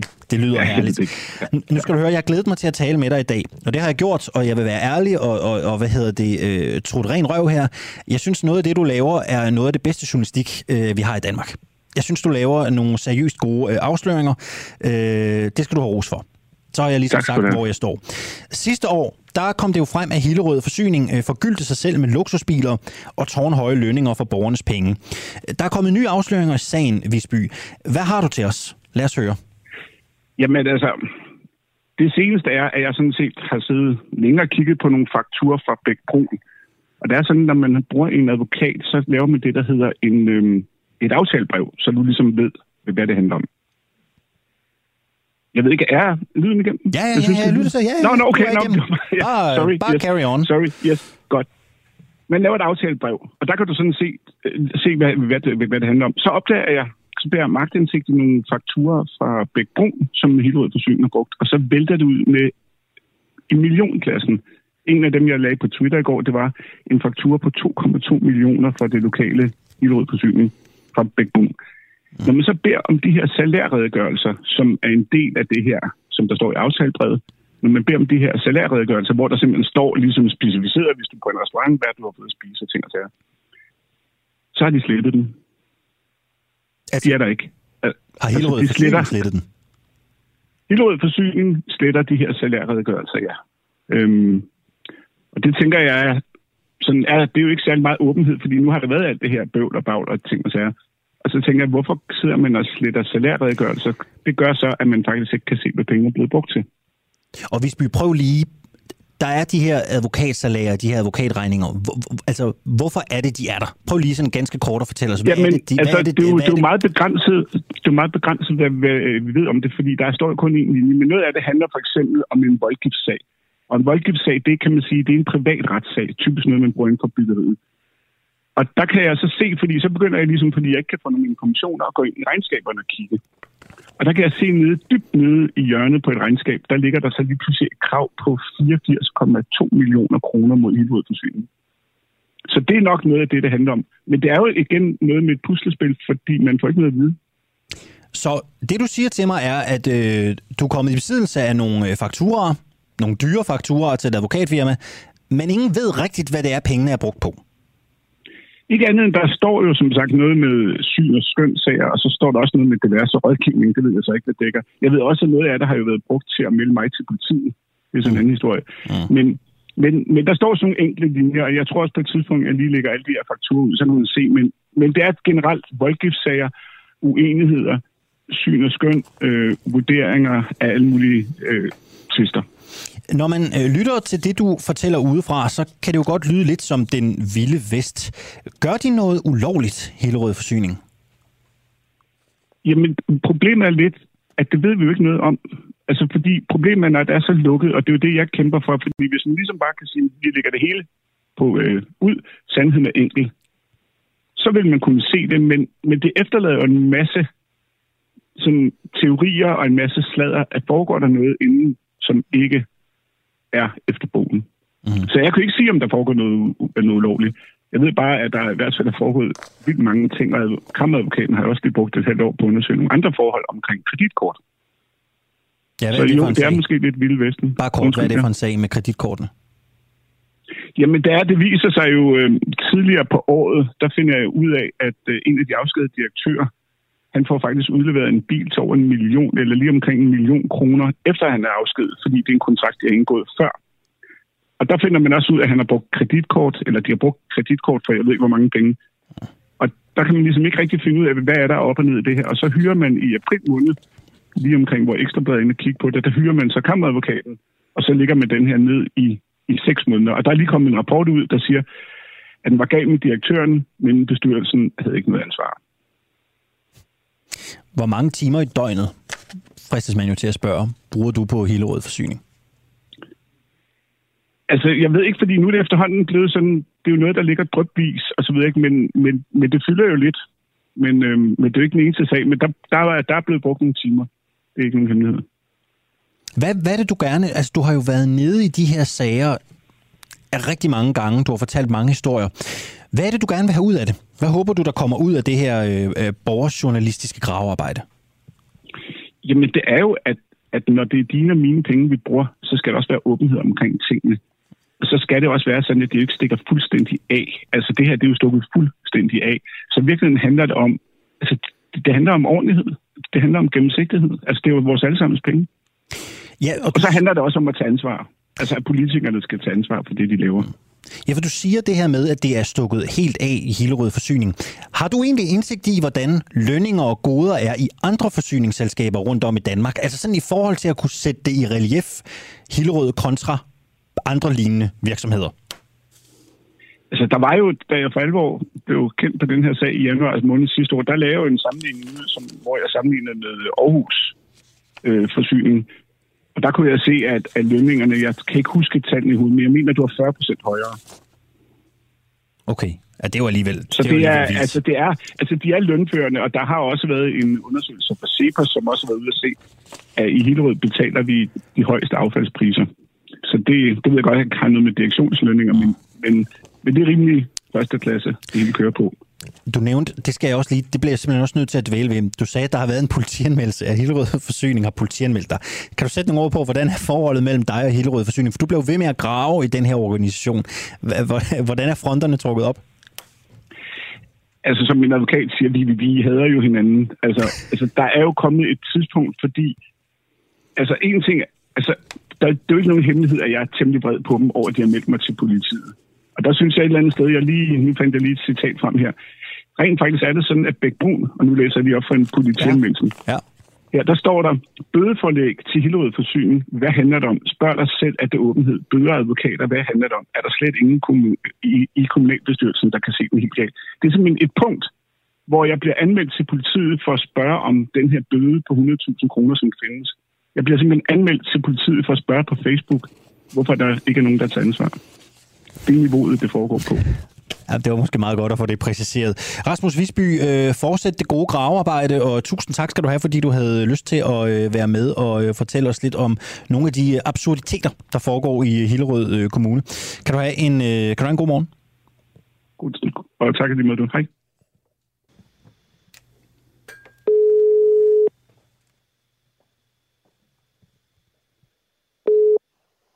Ja, Peter. Goddag, Peter. Du snakker med Clara Vild. Jeg ringer ind for morgenradioen Den Uafhængige. Ja, goddag. Goddag. Jeg står lige i et uh, studie og optager til udsendelse i morgen, og jeg tænkte på, om jeg måtte spørge dig om et spørgsmål. Ja, det må du da gerne. Ja. Se, om jeg kan svare på det.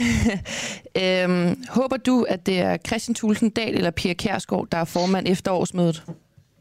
Ah, ved du hvad? Øh, håber, håber. Uh, jeg tror ikke på, at øh, at øh, øh, det forandrer sig andet, end det bliver Christian. Det, jeg tror ikke på det. Øh, Pia, jeg tror ikke, hun vil være formand, helt ærligt. Hun har jo været det, og hun har jo gjort sit. Jeg tror, det er, hvis der går rygter om det, den tror jeg sgu ikke rigtig på.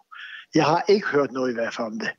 Er du så team Christian, eller er du team Pia? Øh, det er svært at sige, men jeg er stadigvæk altså på Christians side.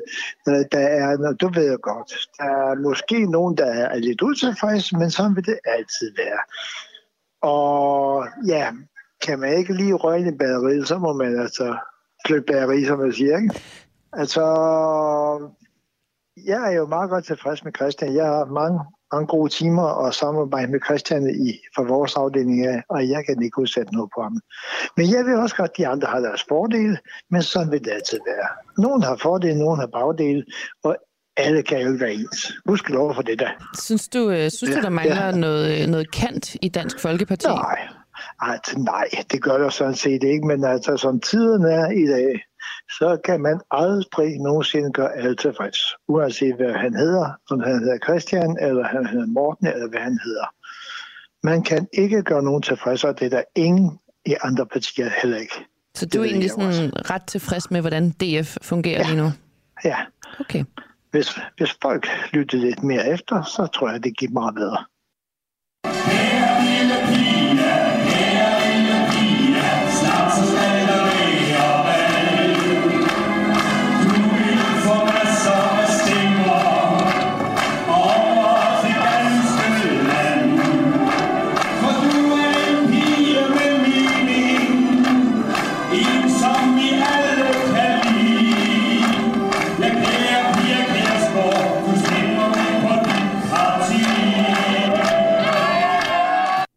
Ja, nu skal der snart være valg, synger Richard Ravnevald i den her sang, og det er også ganske rigtigt, fordi i weekenden, ja, så er det Dansk Folkepartis øh, årsmøde. Det har vi talt om meget, og BT's politiske redaktør har talt med en række kilder, som siger, at Dansk Folkepartis formand, Christian Tulsendal, planlægger at rense ud i hovedbestyrelsen, der jo også er valgt til, for at lukke munden på de kritikere internt i partiet, der puster til de interne konflikter. Godmorgen, Anders Leonhardt.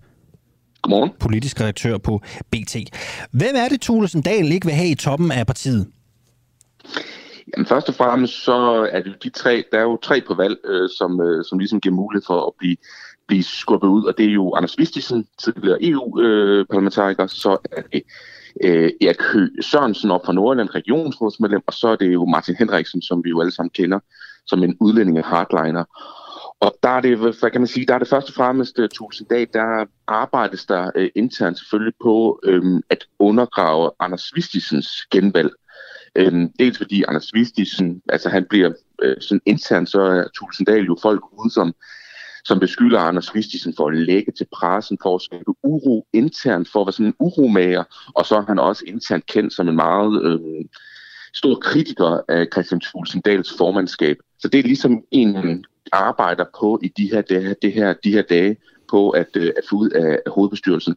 Så er der Erik Høgh Sørensen oppe i Nordjylland, hvor der også er dele af partiledelsen, eller partitoppen vil jeg sige, som, som gerne vil have ud. Erik Høgh Sørensen kom jo ind sidste gang øh, på det sådan, yderste mandat, øh, var tæt på ikke at komme ind, men man har også øh, man har egentlig fået en holdning og, og en fornemmelse i, i toppen af partiet om, at Erik Høgh som ellers en Tulsendal-støtte, øh, er måske en lille smule utilregnelig øh, og svær at styre. Han er jo en meget åben type og også lige blevet dømt øh, i en sag øh, fra omkring, øh, omkring deling af et privat indhold med en, en meget kendt boldsag. Han har lavet et retreat, som faktisk er blevet, blevet dømt for øh, på grund af, af, af krænkelse af, af privatliv. Øh, og det, øh, der kan man sige, at det er sådan lidt et en, en meget sådan flamboyant type, som man ikke er helt tryg ved. Derfor ønsker man egentlig også ham ud. Og så er der jo så Martin Henriksen, den sidste, som, som jo er en Tulsendal-støtte, men som der så er andre, øh, der, der ønsker ud. Og det er jo så en er anden fløj. der ønsker ham ud? Ja, det, ja, det kunne sagtens Pia Kærsgaard. Øh, og, og hun har jo... Øh, jeg vil sige, han er uden en kritik af udlændingelinjen, og hun, øh, det forlyder i hvert fald ikke, at Pia Kærsgaard på nogen måde er fan øh, af Martin Henriksen.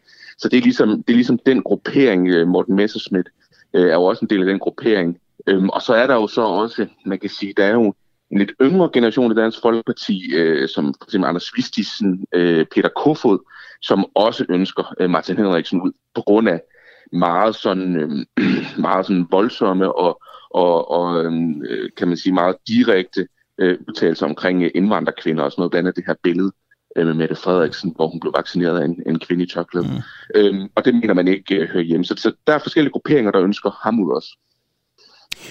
Hvem er det reelt, der bestemmer, hvem der kommer til at sidde i den hovedbestyrelse? Er det vælgerne, de delegerede, eller er det Pia Kærsgaard?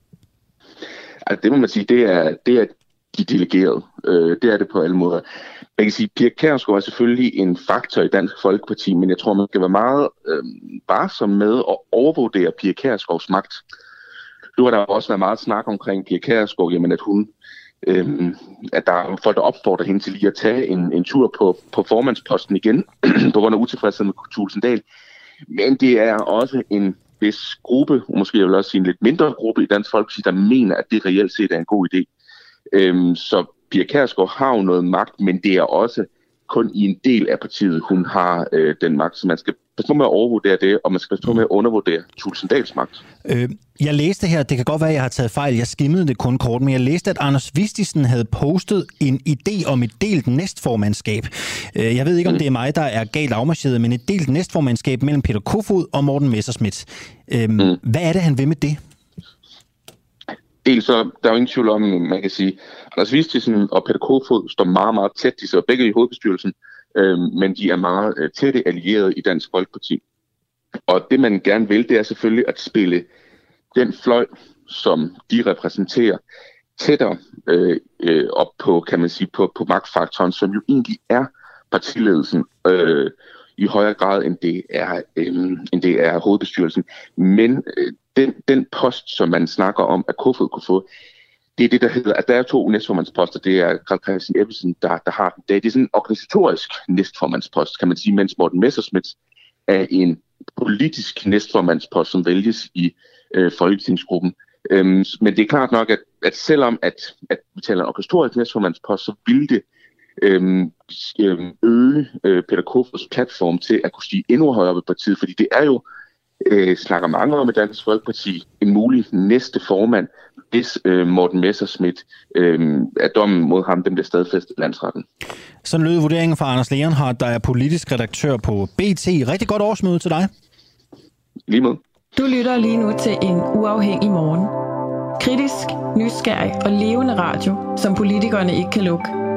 Vi sender live alle hverdage fra klokken 7 til 9.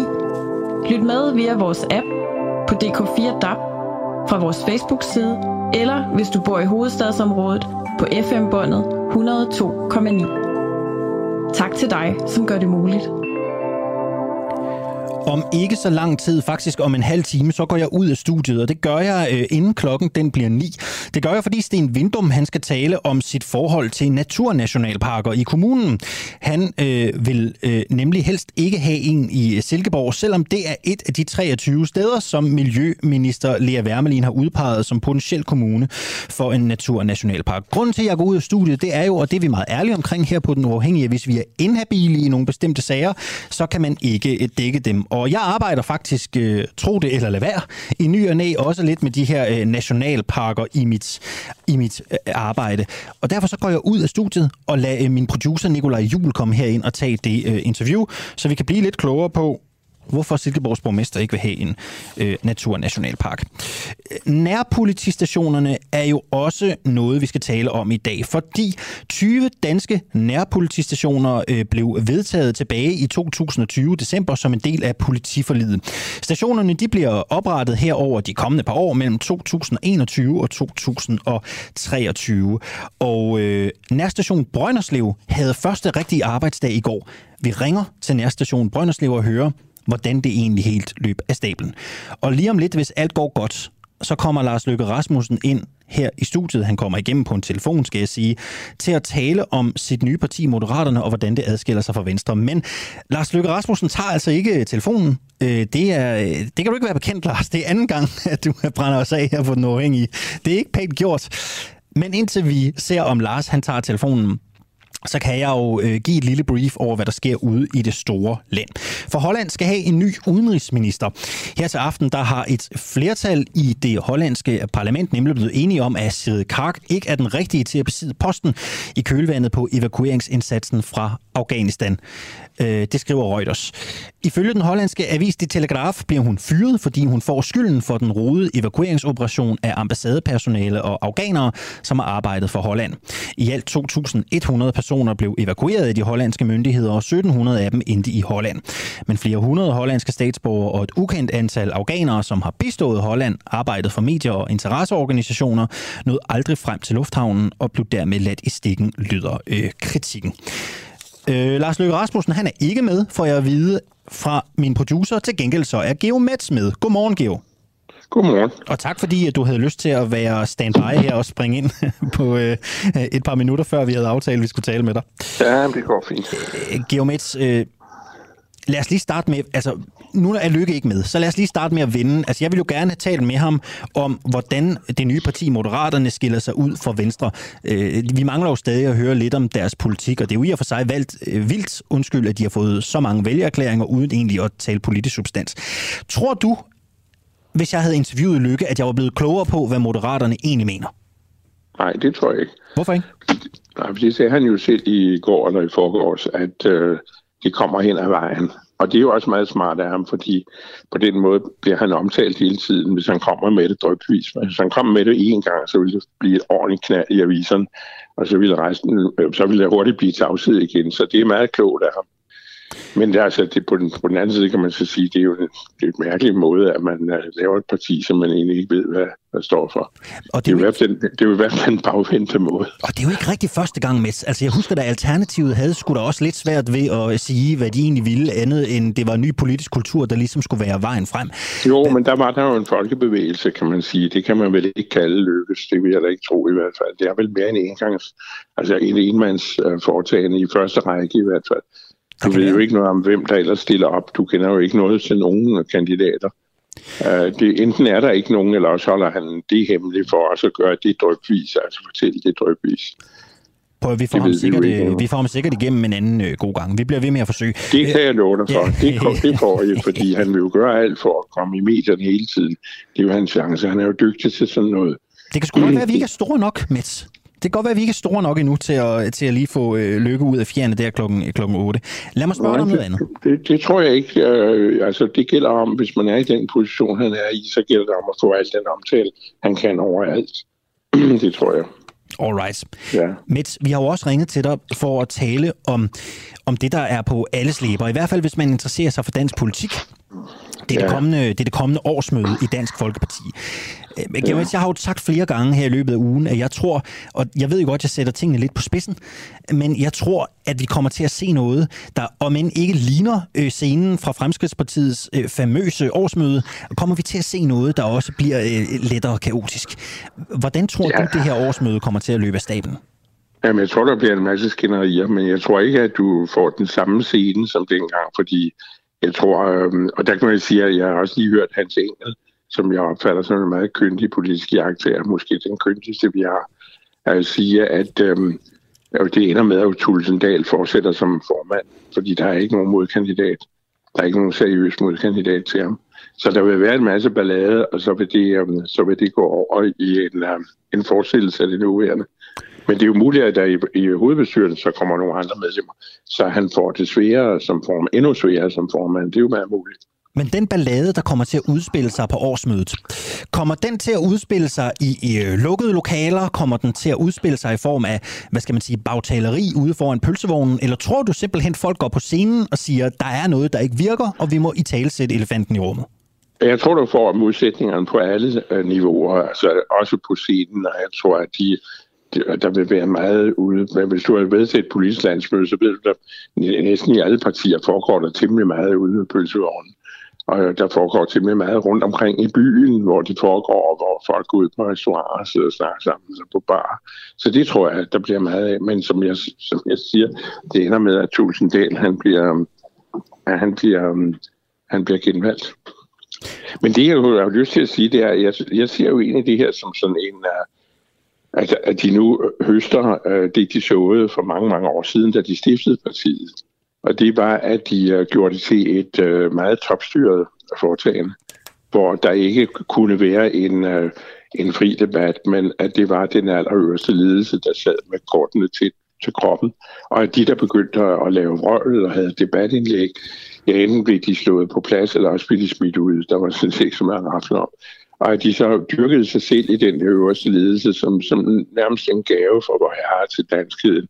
Først med Pia Kærsgaard og de tre øh, mandlige ledere. Da hun var gået af som formand, så blev det de her, øh, den her samling med Christian Tulsendal og Skårup og øh, Søren Espersen og, og Martin Henriksen. Og de optrådte jo på reklamer og alt muligt, alle mulige steder ja, på øh, togstationer, hvor det nu var. Og det er øh, øh, stadigvæk en, en fuldstændig øh, ubrydelig enhed, hvor hvis nogen øh, havde indvendinger, så blev de som sagt smidt ud. Og det tror jeg, du nu ser resultatet af, at øh, den at ligesom pres i en trykkoger, at det, at det, det er lået håret af. Nu løber det her årsmøde af stablen. Der er øh, kritik i baglandet. Øh, mange har jo været ude at sige, der er i hvert fald nogen, der har været ude at sige, at Pia Kærsgaard bør komme tilbage og sejle skibet sikkert i havn. Kommer Christian Thulsen Dahl styrket hjem fra årsmødet i Herning, eller kommer han svækket hjem fra årsmødet i Herning? Jamen, jeg tror, han, øh, det tror jeg er svært at vurdere nu, fordi det kommer an på, på sammensætningen af hovedbestyrelsen ganske enkelt.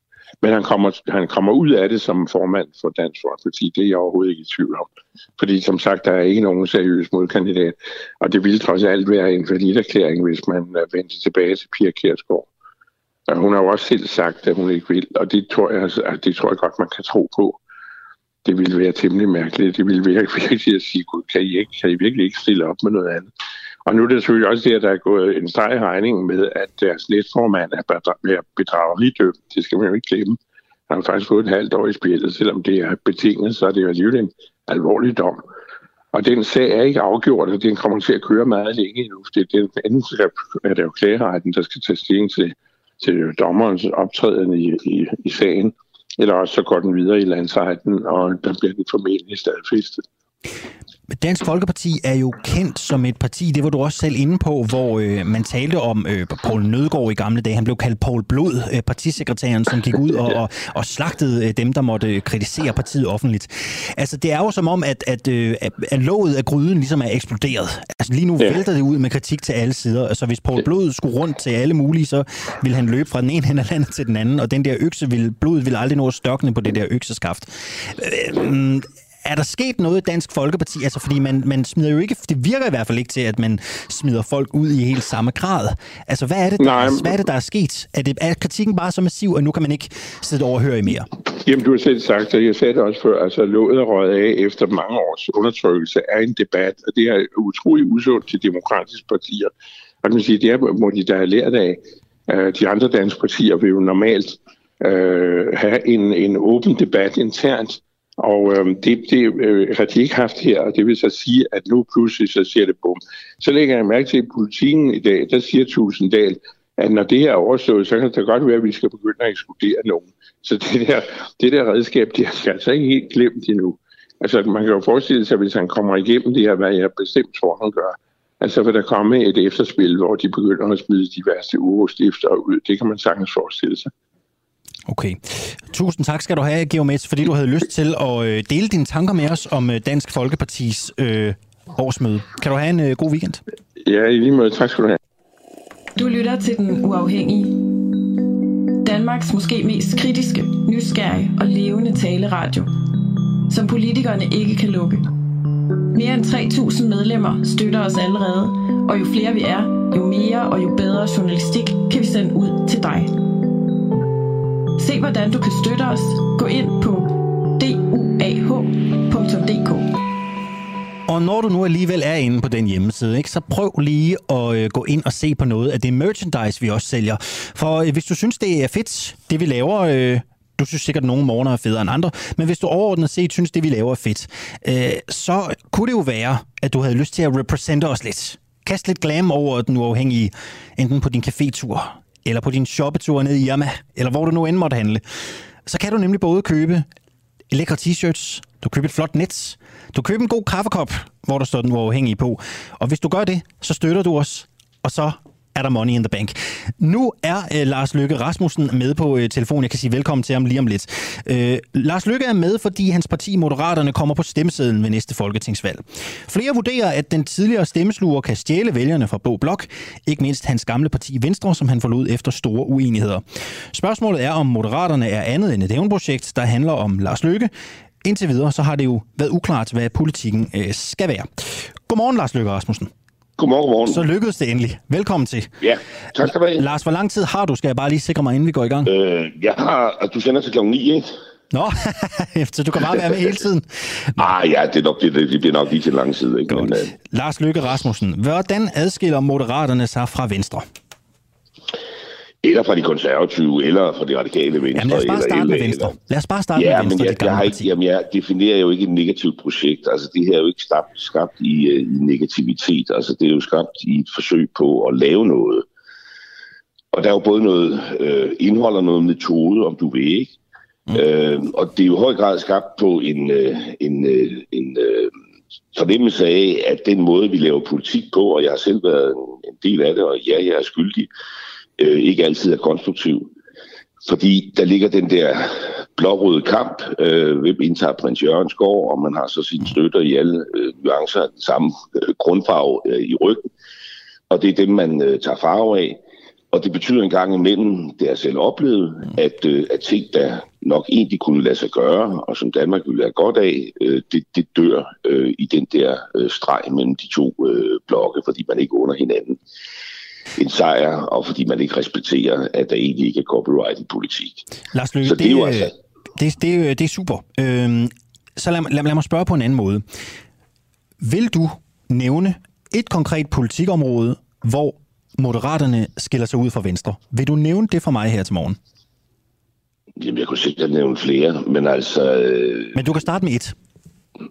Jamen, så skal man jo... Jamen, prøv at høre, øh, det bliver en meget, meget sjov leg, den her. Altså, vi har meget præcis sagt, at vi kommer med vores politiske program efter øh, kommunalvalget. Det bliver også konkret, og ja, jeg kan godt garantere dig, at der vil være konkrete forslag, som øh, mit eget parti i hvert fald historisk ikke har gået ind for. Inden for Om hvilket de så- felt? Jeg spørger ikke ind til, hvad det konkret er, men sådan inden for hvilket felt? Inden for hvilket politikområde? Skat, skat, øh, socialpolitik, øh, sundhedspolitik. Altså, øh, jeg synes for eksempel, man skulle lave en sundhedsreform, der tog sit afsæt i, man afpolitiserede vores sygehus og nedlagde regionerne. Det går Venstre meget bekendt ikke ind for. Nej, nej, det er rigtigt. Der var i hvert fald ikke helt enighed om, hvorvidt det var en god idé af Venstre at nedlægge regionerne, vel? Nej, altså jeg har da i hvert fald noteret mig, at efter valget har, har Venstres formand været ude og markere, at, øh, at det mener man ikke. Men det vil I gerne. I vil gerne nedlægge regionerne. Vi vil gerne skabe bedre sundhedsvæsen, og vi tror ikke på, og det er måske et meget godt eksempel på, hvad vi taler om her, vi tror ikke på, at man øh, for eksempel kan fremtidssikre danske sundhedsvæsen alene ved at gå og, og, og, og skrue på nogle små stille skruer. Og, og det er jo lidt det, det var det, jeg forsøgte at sige med metoden før, da du så øh, heller ville holde mig fast på, på det her, som selvfølgelig også er meget, meget nemmere og sjovere radio. Det er bare mere Øh, konkret. Det, det, man kan Ja. bare forholde sig til det. Jamen, det ved jeg ikke. Det er fordi, øh, det er derfor, jeg sagde, at jeg har masser af tid til at forklare mig. Altså fordi, øh, det der måske er lidt udfordringen, det er, at der er rigtig meget symbolpolitik og intentionspolitik. Ikke? Så øh, er der et pres på sundhedsvæsenet i valgkampen, så er der nogen, der råber øh, tusind flere sygeplejersker og skaber et indtryk af, at så har man løst tingene. Ikke? Øh, eller øh, der er et integrationspres på Danmark, eller udlændingpres på Danmark, og så er nogen, der siger, at vi bygger en lejr i Afrika, øh, vi vedtager et lov, hvor vi lader som om, der findes en lejr i Afrika, man kan sende folk ned til, hvis de søger asyl i Danmark, så har vi løst det problem, men, men det har vi jo ikke. Altså, det har vi jo ikke. Eller der er for mange udenlandske studerende, der kommer til Danmark og tager vores SU og rejser hjem igen, jamen så nedlægger vi bare de studiepladser, de kunne søge ind på, øh, og gør Danmark fattigere og øh, trækker mindre intelligens til Danmark, i stedet for at turde tage, for nu at give et konkret eksempel, altså en lidt tungere diskussion om, hvorvidt vores SU-system er skruet godt nok sammen, eller om man kunne lave det anderledes. Kunne man for eksempel give flere lån og mindre stipendier, og så til gengæld give en ordentlig skattebonus, når man betaler lånet tilbage, sådan at de unge, uanset om de egentlig er danske statsborgere eller unge, der kommer fra andre EU-lande, der vælger at bruge deres uddannelse for danske virksomheder til at berige Danmark, de bliver stillet nogenlunde, som de var i dag, og vi så samtidig kunne holde det danske uddannelsessystem åbent. Ikke? Det er jo den type lidt sådan, øh, tungere diskussioner, som, som tit forsvinder ned i, øh, i den her kløft øh, mellem, mellem blokkene. Og det er jo ikke fordi, at det er Lykke, Lykke du må undskylde, hvis jeg, kontroversielle du må, du må øh, undskylde, hvis jeg afbryder. Det, det, og det er kun fordi, Du er jeg, jeg har meget på hjerte, og jeg vil gerne spørge meget. Som jeg også sagde til en Det tidligere har jeg også, kan du høre. Ja, men det er det. Jeg- skal bare lige ganske kort. Jeg, jeg, jeg vil gerne lige øh, have det. Altså, I går ind for, at regionerne skal nedlægges, ikke? Det blev vi enige om. Det, det mener I er en god idé. Ja, nu stopper jeg med at afbryde dig nu og høre lige dit resonemang først. Jamen, det var bare, jeg skulle bare være sikker på, om, om, om jeg hørte rigtigt, at, at i forhold til sundhedspolitikken, så vil I gerne i Moderaterne nedlægge regionerne. Det var korrekt forstået, ikke? Det er en metode til at nå noget, og jeg har også lige Alright. fortalt dig noget om SU. Ja, ja, men, men, men nu bliver vi lige ved øh, regionerne. Hallo? Ja, ja, jeg hører, hvad du siger. Du er igennem. Ja, okay, men jeg blev, der kom en anden lyd i mit ord, så beklager mig. Det beklager lige- Men, men regionerne vil I gerne nedlægge. Det er en metode. Så spørger jeg, er det den rigtige metode, ifølge jer? Ellers vil jeg ikke foreslå det, men det står ikke alene. Nej, nej, det, men det er i orden. Så fik jeg det med. Hvad mener I om øremærket barsel? Venstre synes, det er en god idé. Hvad tænker Moderaterne om det? Ja, det er sådan set meget sjovt, fordi øh, det er jo måske øh, en ting, der ligesom illustrerer den problemstilling, du og jeg også har med hinanden her nu, når du spørger til vores politik, fordi vi sidder jo og arbejder med at udvikle vores politik mm. med henblik på at kunne lægge den frem øh, på den anden side af kommunvalget. Og det rummer jo også den risiko, at spillepladen, om du ved, den flytter sig imens. Mm. Vi havde et, øh, et, et, vi har holdt en stribe politiske webinar her over hele foråret, øh, som det her tager farve af. Og der har vi blandt andet haft jo et arbejde omkring øh, ligestilling. Og det er sådan set min meget klare fornemmelse, at det vil op i, at vi vil have et forslag om en tredjedel, en tredjedel, en tredjedel. Det fortalte jeg også i p i går, det her. Mm-hmm. Øh, altså en tredjedel til manden, en tredjedel til kvinden, en tredjedel til, til, til fri deling. Ikke? Mm. Som i virkeligheden jo er et forslag, der går lige lidt længere end, øh, end det, der nu er kommet på bordet. Så det ville, mm. det ville med uhjulpet hånd sikkert have været det forslag, vi havde lagt frem i december, som, øh, som så i nogen øh, udstrækning er overhældet af, af, af virkeligheden. Ikke? Og, og, og, og det er jo det, der sker, når vi har valgt at arbejde på den her måde, hvor vi øh, har en diskussion med afsæt i 16.000 mennesker, der, der melder sig ind i det politiske mødested, og venter med at lægge vores politik frem, indtil vi er klar. Ikke? Du er, jo en, du er jo en ombejlet herrelykke, og du har været øh, rundt omkring i det danske mediebillede med, med god grund. Øh, det er jo virkelig øh, imponerende, hvor hurtigt I har fået de her vælgererklæringer. Du har selv nævnt, at du vil adskille dig på udlændingepolitikken. Jeg har taget et par forslag med, som har delt Folketinget over. Jeg kan godt tænke mig at høre, hvor Moderaterne stiller sig i forhold til det. Blandt andet beslutningsforslag 199.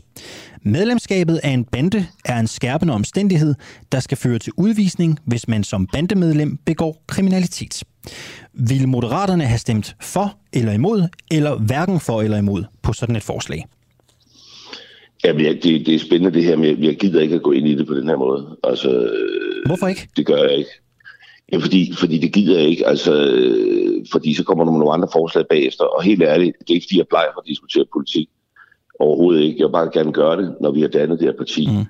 Jeg har været meget åben omkring at sige, at vi gør det lidt omvendt ved at bede vælgerklæringer før partiet er der. Ja. Jeg har også forklaret, hvorfor vi ja. gør det, for at undgå at komme i en situation, hvor der er pludselig valg, du, du, det var, du er politiker, klar. og du sidder i Folketinget, og du har lanceret ja. et nyt parti, og du er, er på ja. valg.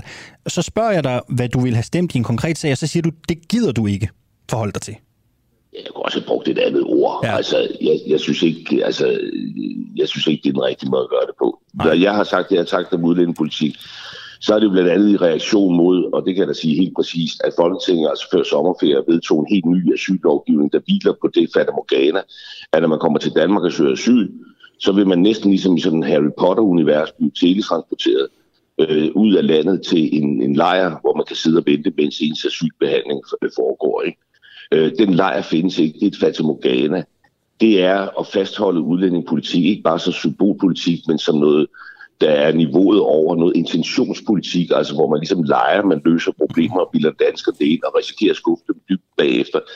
Det er sådan set det, det, jeg ønsker at gå op imod, at vi er nødt til at have lidt mere realisme. Fører det så til et synspunkt, om jeg ikke synes, at kriminelle skal udvises af Danmark? Nej, det gør det ikke. Altså selvfølgelig skal man, hvis man begår øh, grov kriminalitet i Danmark, øh, udvises. Ja. Lykke, øh, det er jo ikke det er jo ikke, jeg har fået lidt, men det er jo ikke så meget konkret politik, jeg får ud af dig i dag. Det kan jeg godt høre, øh, for du bliver ved med at tale om den her proces. Hvornår får jeg noget? Hvornår, hvornår, hvornår må jeg spørge dig ind til jeres sådan konkrete politik? Hvornår kommer den? Hvornår lander den? Jeg, jeg synes, du har fået en del. Altså helt ærligt, jeg har lige siddet og gjort mig til talsmand for en ret stor omlægning af SU-systemet, som andre går og, og, og putter med, selvom de godt ved, at behovet er der.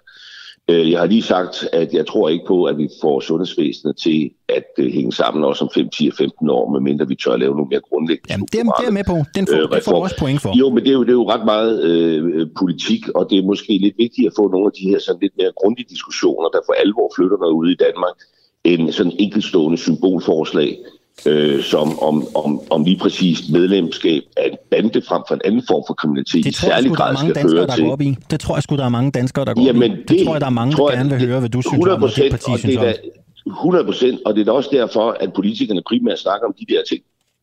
100 procent. Og så snakker vi om alle de der ting, øh, og en del af det, det sidder vi så og vedtager på Folketinget, det bliver ikke til noget alligevel. Men du går ikke op i det? Fordi Jeres parti vil ikke gå op i de her? Bestemt går jeg op i det, men det hviler bare nogle gange på nogle forudsætninger, som ikke kan indfries. Og der vil jeg ligesom bare insistere på, at der i hvert fald bør være nogen, der også fører en politisk debat, der også handler om nogle mere, hvad skal vi kalde det, tunge strukturelle ting, som besvarer det, der for mig egentlig er hovedspørgsmålet, nemlig hvordan kan det her øh, ret fine land også hænge sammen og bevare sin velstand og konkurrencekraft, når vi kommer 5, 10, 15 år længere frem øh, i landskabet. Og så spørger du, ja, hvornår kan du regne med, med os?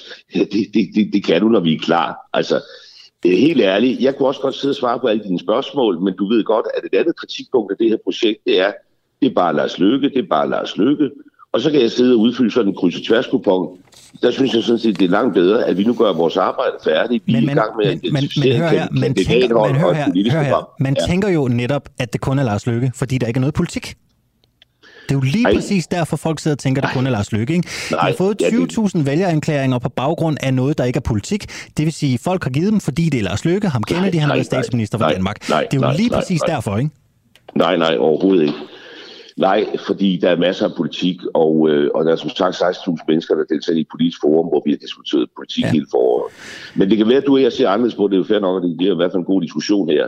Altså, jeg tror simpelthen bare, at hvis det nu var sådan, at jeg sad og udfyldte dit questionnaire i alle detaljer, jamen så ville jeg jo også sende et signal om, at, ja. at, at, at, at vores politik ned i den mindste detalje, det er mig, mig, mig, mig. Og vi insisterer sådan set, øh, om du kan lide det eller så insisterer vi sådan set på at gøre det omvendt ved nu at have haft en diskussion med tusindvis af mennesker. Nogen har tydeligere end andre rækket hånden op. Dem, der har rækket hånden meget højt op og ligesom signaleret, at vi vil gerne ind i tættere samarbejde, vi vil måske endda gerne stille op til Folketinget, dem er vi i en dybere dialog med. Og ud af det skulle der jo gerne komme, og det kommer, når det kommer, altså et kandidathold, et politisk program, ja. hvor det ikke bare er mig, du kan ringe til om morgenen og få svar, eller ikke få svar efter til for mange, men hvor du også kan ringe til andre. Ikke? Det, jeg er ked af det, men altså, det er sådan, vi har valgt at gøre. Ja, jeg siger bare, hvis det var Sten Knudt, der havde lanceret det her projekt, øh, så var de 20.000 vælgererklæringer ikke kommet så hurtigt. Det tror jeg ikke. Men igen, jeg kan ikke vide det. Jeg ved det ikke. Lars Lykke, Det, til det, må- sidst... det, det, det vil jo... Ja, det ved jeg heller ikke. Nej, nej, det er jo det. Nej, for lige præcis. Ikke? Det ved du. Lars Løkke Rasmussen her til sidst. Øh, netværket og det nye parti, hvordan bliver det finansieret? Netværket er det politiske parti. Begge dele. Hvordan det bliver finansieret? Ja. ja, altså, når vi laver et politisk parti, så vil det jo være et politisk parti, man kan melde sig ind i at betale ja. kontingent. Det har vi ikke taget stilling til, hvor stort det skal Men være. nu? Men, øh, Hvordan bliver det finansieret nu? Jamen lige nu bliver det jo finansieret ved, at vi blandt andet har bygget et, øh, et erhvervspolitisk netværk op, øh, hvor, hvor, hvor, hvor med Allan Agerholm øh, som, øh, som formand, og, øh, og det er der så nogle virksomheder, der har meldt sig ind i. Hvem er Øh, det? Ja, det, det helt ærligt, altså jeg, jeg ved det faktisk ikke i detaljen selv. Ved du det ikke? ikke? Hvem Nej, der det gør jeg ikke i erhvervsnetværk? Nej, det gør jeg ikke, fordi der er der heldigvis folk, der løbende melder sig ind, og det har jeg ikke noget overblik De over. skulle da med for at møde dig, tænker jeg. Jamen, det kan de da også. Jo, men det kan de da også komme til, og andre. Men altså... Men har du mødtes med nogen? Altså, har du mødtes med det erhvervsnetværk? Ja, ja, vi havde Men møde du ved ikke, hvem der øh, sidder i det så? Jo, jo, jo, jo. hvem Selvfølgelig ved jeg det. Jamen prøv lige at høre, men du, det er da helt utroligt, som vi snakker forbi hinanden. Det var da ikke alle, der mødte frem. Altså, jeg, jeg håber og tror, at der var er flere medlemmer af det ja. erhvervspolitiske netværk, af dem, der deltog på mødet den anden dag. Altså, og derfor Hvem er det op? rigtigt. Nå, det gjorde dem, der mødte op, og, øh, og hvis de har lyst til at fortælle, at de mødte op, så, så må de jo sige det. Altså, øh, det er fuldstændig, som det foregår alle mulige andre steder. Men du synes ikke, at, at befolkningen skal vide, hvem det er, der finansierer projektet, hvilke virksomheder det er, der sender penge? Lige skund. Har nogen af dem støttet. Venstre før? Det, det, det ved jeg ikke. Det, det kan jeg ikke udelukke. Okay. Men altså, hvis du har ringet til mig, det gang var Venstre, så ville jeg heller ikke øh, på et ben med lukkede øjne kunne repetere øh, medlemslisten i Liberale Erhvervsklub. Okay. Synes du, Men der altså, skal helt åbenhed ærligt- omkring de der erhvervsklubber? Altså, synes der skal mere eller mindre åbenhed, eller er reglerne gode nok, som de er nu? Jeg synes, vi har et udmærket regelsæt med den okay. der, hvad hedder det, 20.000 kroners grænse. Ikke? Okay. Men du spørger, hvordan det bliver finansieret. Altså, det er sådan set den eneste øh, kilde, vi har for nærværende, fordi vi får jo ikke noget partistøtte. Så er jeg jo, øh, hvad hedder det, løsgænger på Christiansborg, eller det betyder, at jeg får et mindre beløb om måneden. Øh, men det har ikke noget med partiet at gøre, men det kan jo hjælpe mig i mit parlamentariske arbejde. Ja. Og der er det i øvrigt sådan, at hvis jeg ringer til Indrigsministeriet i eftermiddag og siger, nu vil jeg gerne ligesom cashe de her vælgererklæringer ind og, og, og, og godkendes, jamen, så vil jeg få, øh, jeg tror det er 70.000 kroner mere om måneden og fire nye kontorer og 10 PC'er. Øh, og det vælger jeg altså ikke at gøre. Fordi jeg ønsker ikke at anmelde et politisk parti over på Christiansborg, før vi er klar til at have et politisk parti. De her erhvervs, medlemmer af erhvervsnetværket, er der nogen af dem, der støtter med mere end 20.000 kroner? Det, det skal du spørge foreningen skal se om. Okay, det kan være, vi prøver. Lars Løkke Rasmussen, ja. stifter fra Moderaterne, tidligere statsminister for Venstre. Kommende, kommende stifter. Kommende stifter. Også kommende Ja, og er statsminister derfor, måske. Nej, men prøv at høre, nej, det er derfor, fordi vi går forbi hinanden lidt, fordi du, øh, og det er fair nok, men altså på tegnbilledet, der er ikke noget politisk parti. Men. Altså vi har fået en forhåndsopbakning til, at når vi laver det, så er vi så privilegerede, at vi ikke skal ud en gang til at bede om at komme på stemmesedlen. Men vi har ikke noget parti nu. Indtil videre det er bare øh, løsgænger Lars Løkke Rasmussen, der har talt med dig her til morgen. Så siger jeg tak til løsgænger Lars Løkke Rasmussen. tak. Kan du have en Tak rigtig dejlig morgen, og tak fordi vi endelig kunne mødes i studiet. Tak skal du have. Du lytter lige nu til en uafhængig morgen. Kritisk, nysgerrig og levende radio, som politikerne ikke kan lukke. Vi sender live alle hverdage fra klokken 7 til 9. Lyt med via vores app på DK4 DAB, fra vores Facebook-side, eller hvis du bor i hovedstadsområdet på FM-båndet 102,9. Tak til dig, som gør det muligt. Danmark får 20 nærpolitistationer. De bliver alle sammen oprettet i de kommende to år. En af dem, den ligger i Brønderslev i det nordjyske. De havde første rigtige åbningsdag i går. Det skal vi høre om lige om lidt. Og så derfor jeg ellers ud af studiet efter det interview, og så overlader jeg mikrofonen til Nikolaj Jul, min producer, når det skal handle om naturnationalparker. Klokken den er 20 minutter i 9 for øvrigt. Nærstation Brønderslev havde i går sin første rigtige åbningsdag. Stationen er et produkt af regeringens, som sagt, brændende ønske om at oprette 20 nærpolitistationer i Danmark. Øh, Godmorgen og velkommen til dig, John Jakob Haverslev hedder du, undskyld. Godmorgen. Godmorgen. Du er politibetjent på Nærstation Brønderslev. Er du Ja. på arbejde i dag? Ja. Hvordan ser kriminalitetsbilledet i Brønderslev ud sådan en fredag morgen her?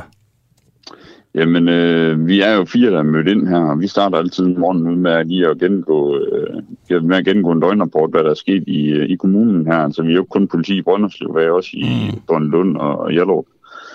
Så øh, altså, det vi egentlig mest skal have fulgt op på i dag, det er en del henvendelser, vi har haft i går. Og så har vi et lille arrangement øh, sammen med skolen, hvor der er et optog gennem byen, øh, som vi har lov at hjælpe med, fordi der bliver nok lidt trafikale udfordringer der. Mm, okay.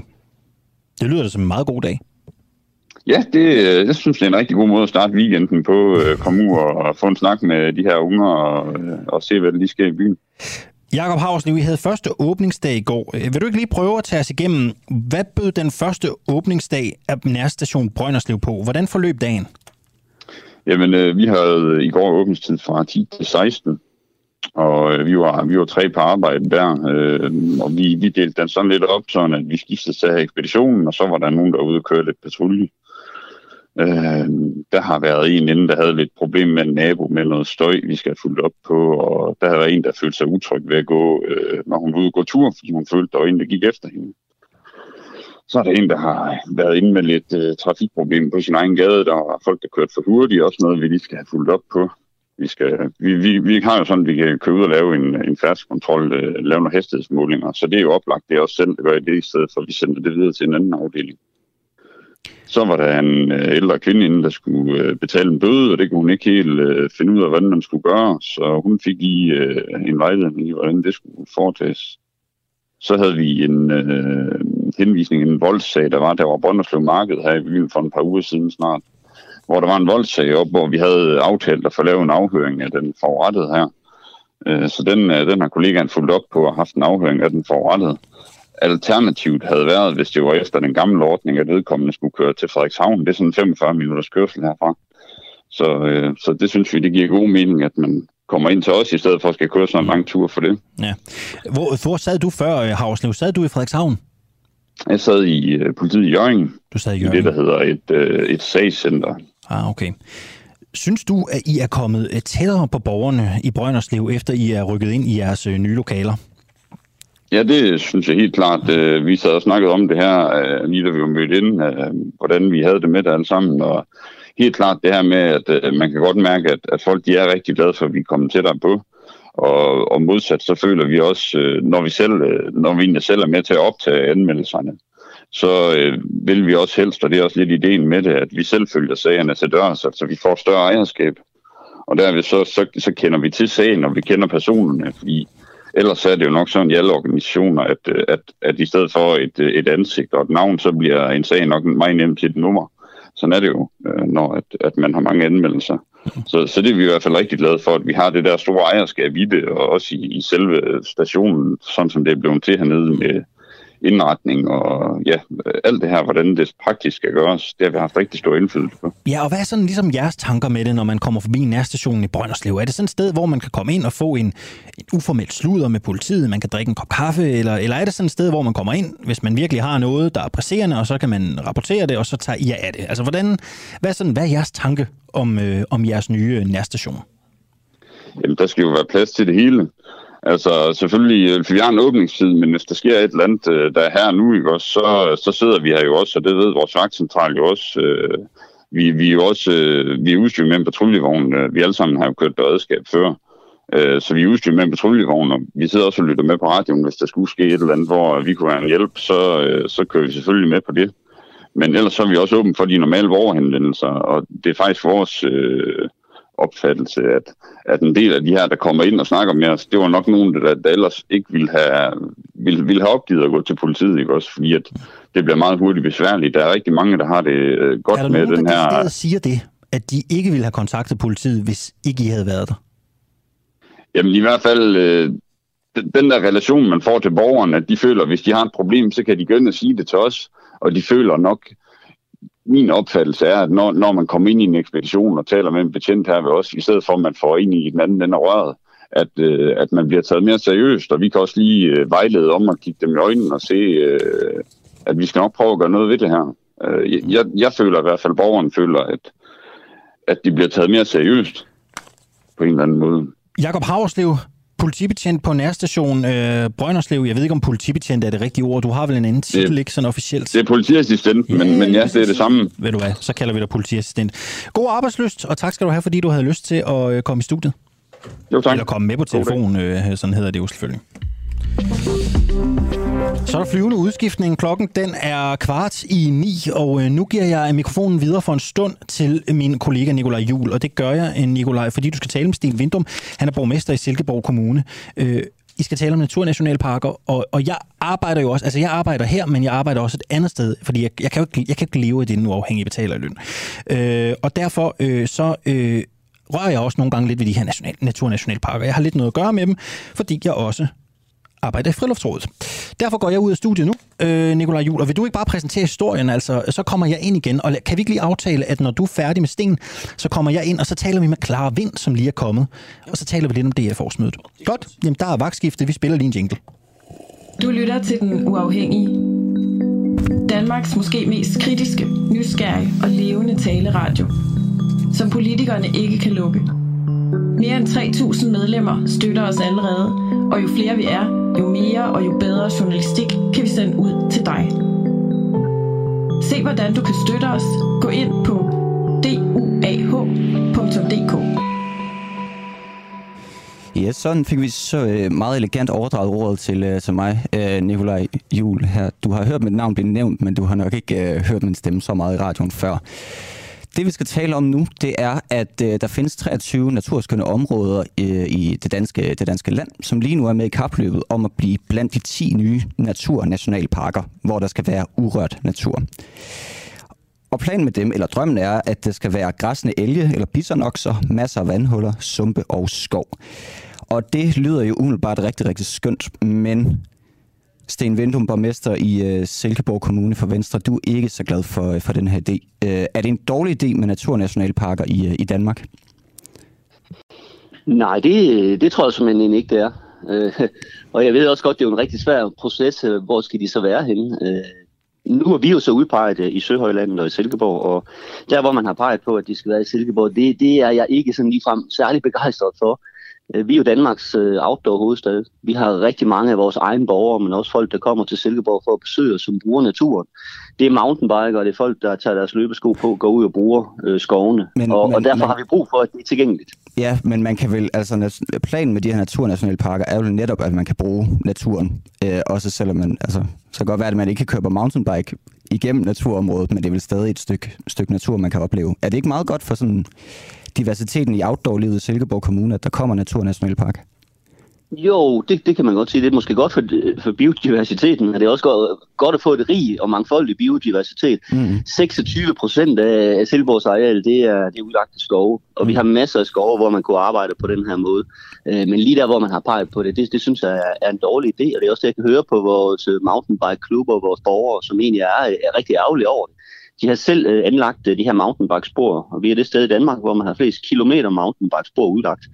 Jeg ved godt, at man siger, at man kan komme ind i de her øh, naturnationalparker bagefter, øh, men man skal jo krydse nogle, nogle hegn og nogle forhindringer, og det er vi øh, faktisk ikke særlig begejstrede for. Okay, men altså, altså de her steder, de er, de er blevet valgt ud fra en liste med 23 forskellige steder, som Miljøministeriet har udpeget blandt 200 forslag.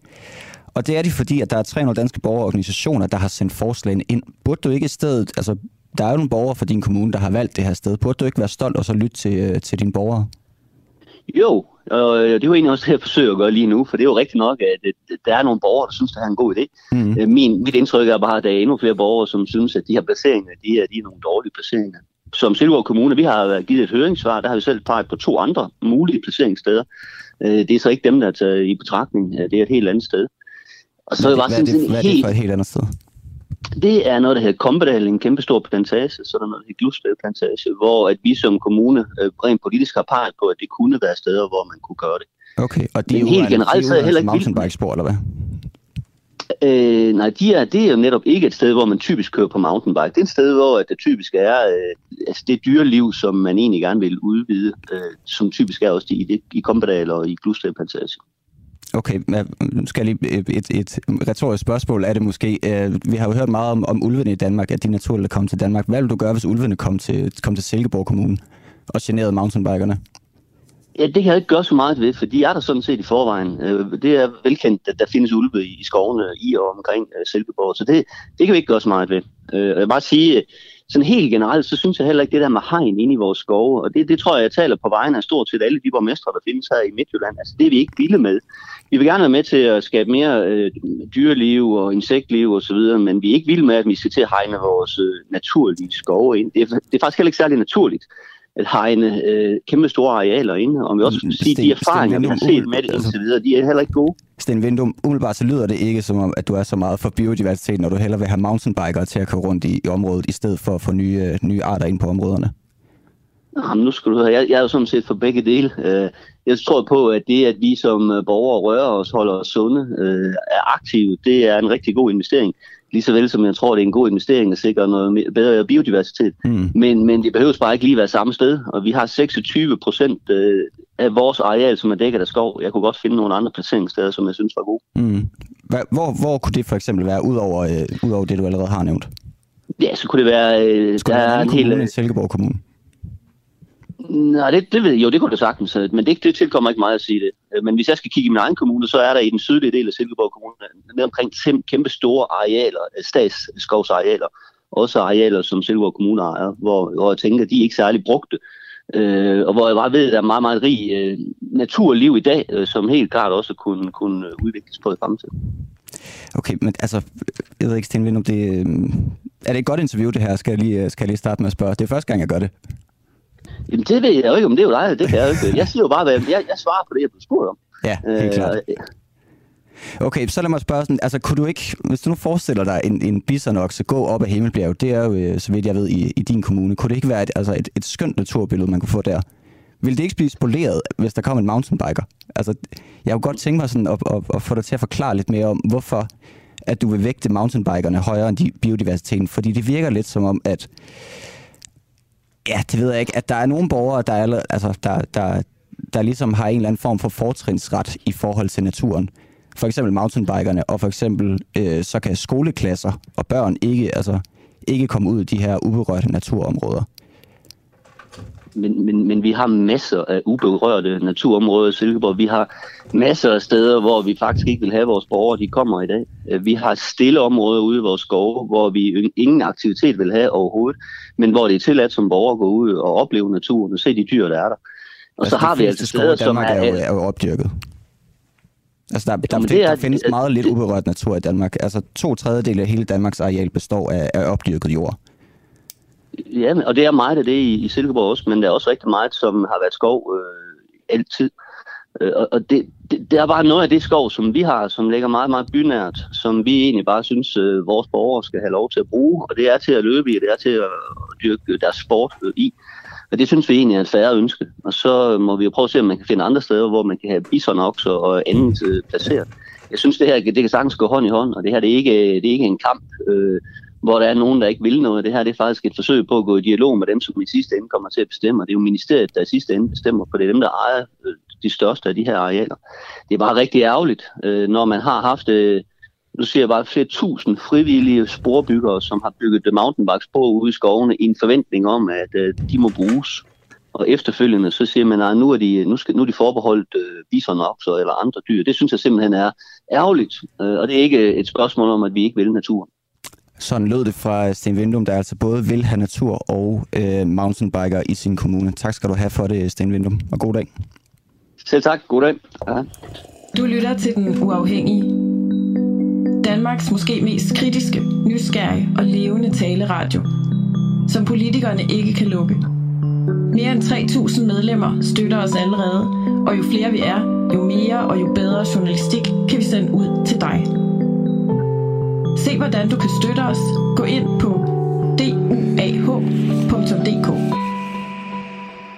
Det kan du. Du kan også vælge at gøre noget helt andet. Du kan vælge at øh, tage din telefon lige nu, som i lige nu, og så skriver du UA i øh, tekstfeltet. UA, og så sender du det afsted til 1245. Øh, Hvis du gør det, så kommer der et link tilbage til dig i øh, telefonen.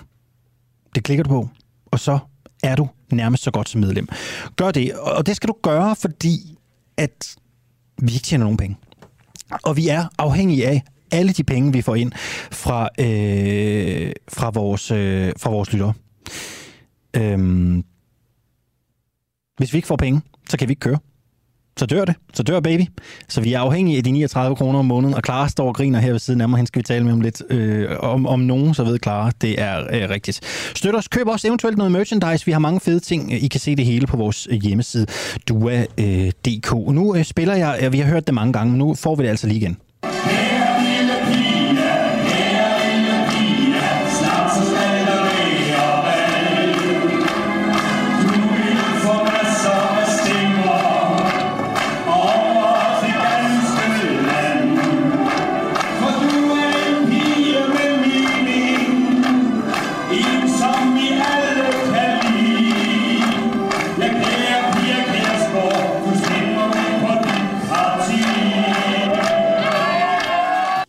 Det her, det er øh, Richard Ravnvald, der synger øh, Kære Lille Pia. En omskrivning af hans øh, store hit, Kære Lille Mormor. Du har sikkert hørt, hørt det nummer. Hvis du lytter med på DK4 DAB, så tænker jeg, at du har hørt det her nummer på et eller andet tidspunkt, i hvert fald på kanalen. Dansk Folkeparti, de holder årsmøde her i weekenden og vi er naturligvis med på den uafhængige. Der skal vælges en ny hovedbestyrelse, og så skal der jo selvfølgelig snakkes en masse politik. Der er jo politisk drøftelse, som betyder, at mikrofonerne er åbne for hele baglandet.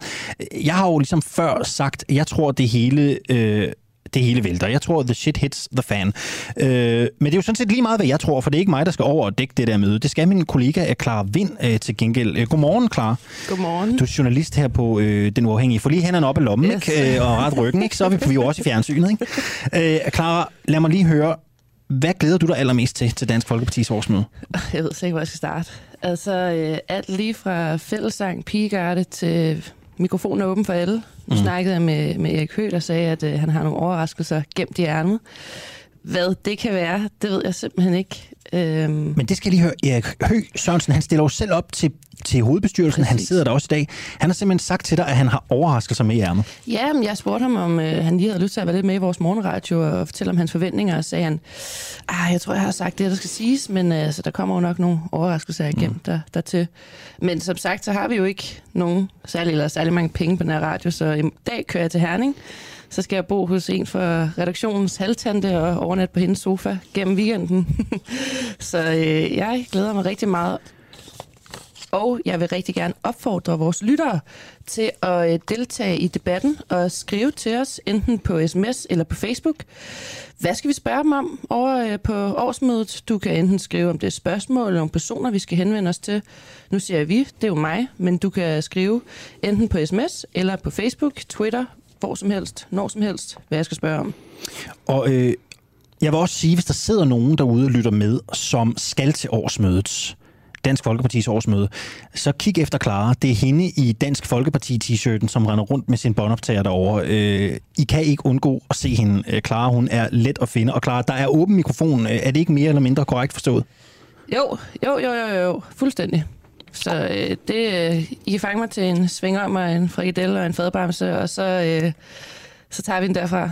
Det er hermed øh, givet videre. Øh, prøv at høre, øh, Clara Vind, tusind tak skal du have, fordi du havde lyst til at øh, være med og lige fortælle lidt om, øh, hvad der er på øh, plakaten, og hvad du har tænkt dig at grave i til Dansk Folkepartis øh, årsmøde. Og så vil jeg selvfølgelig sige, at det hele, det satser vi jo på at bringe, når øh, vi øh, åbner op for en ny omgang en uafhængig morgen på mandag, så er det altså med øh, massive reaktioner fra øh, Dansk Folkepartis årsmøde, som altså finder sted i Herning, og det finder sted øh, her i øh, den her øh, weekend. Vi kan lige nå et hurtigt øh, nyhedsoverblik, inden vi skal til at øh, runde af.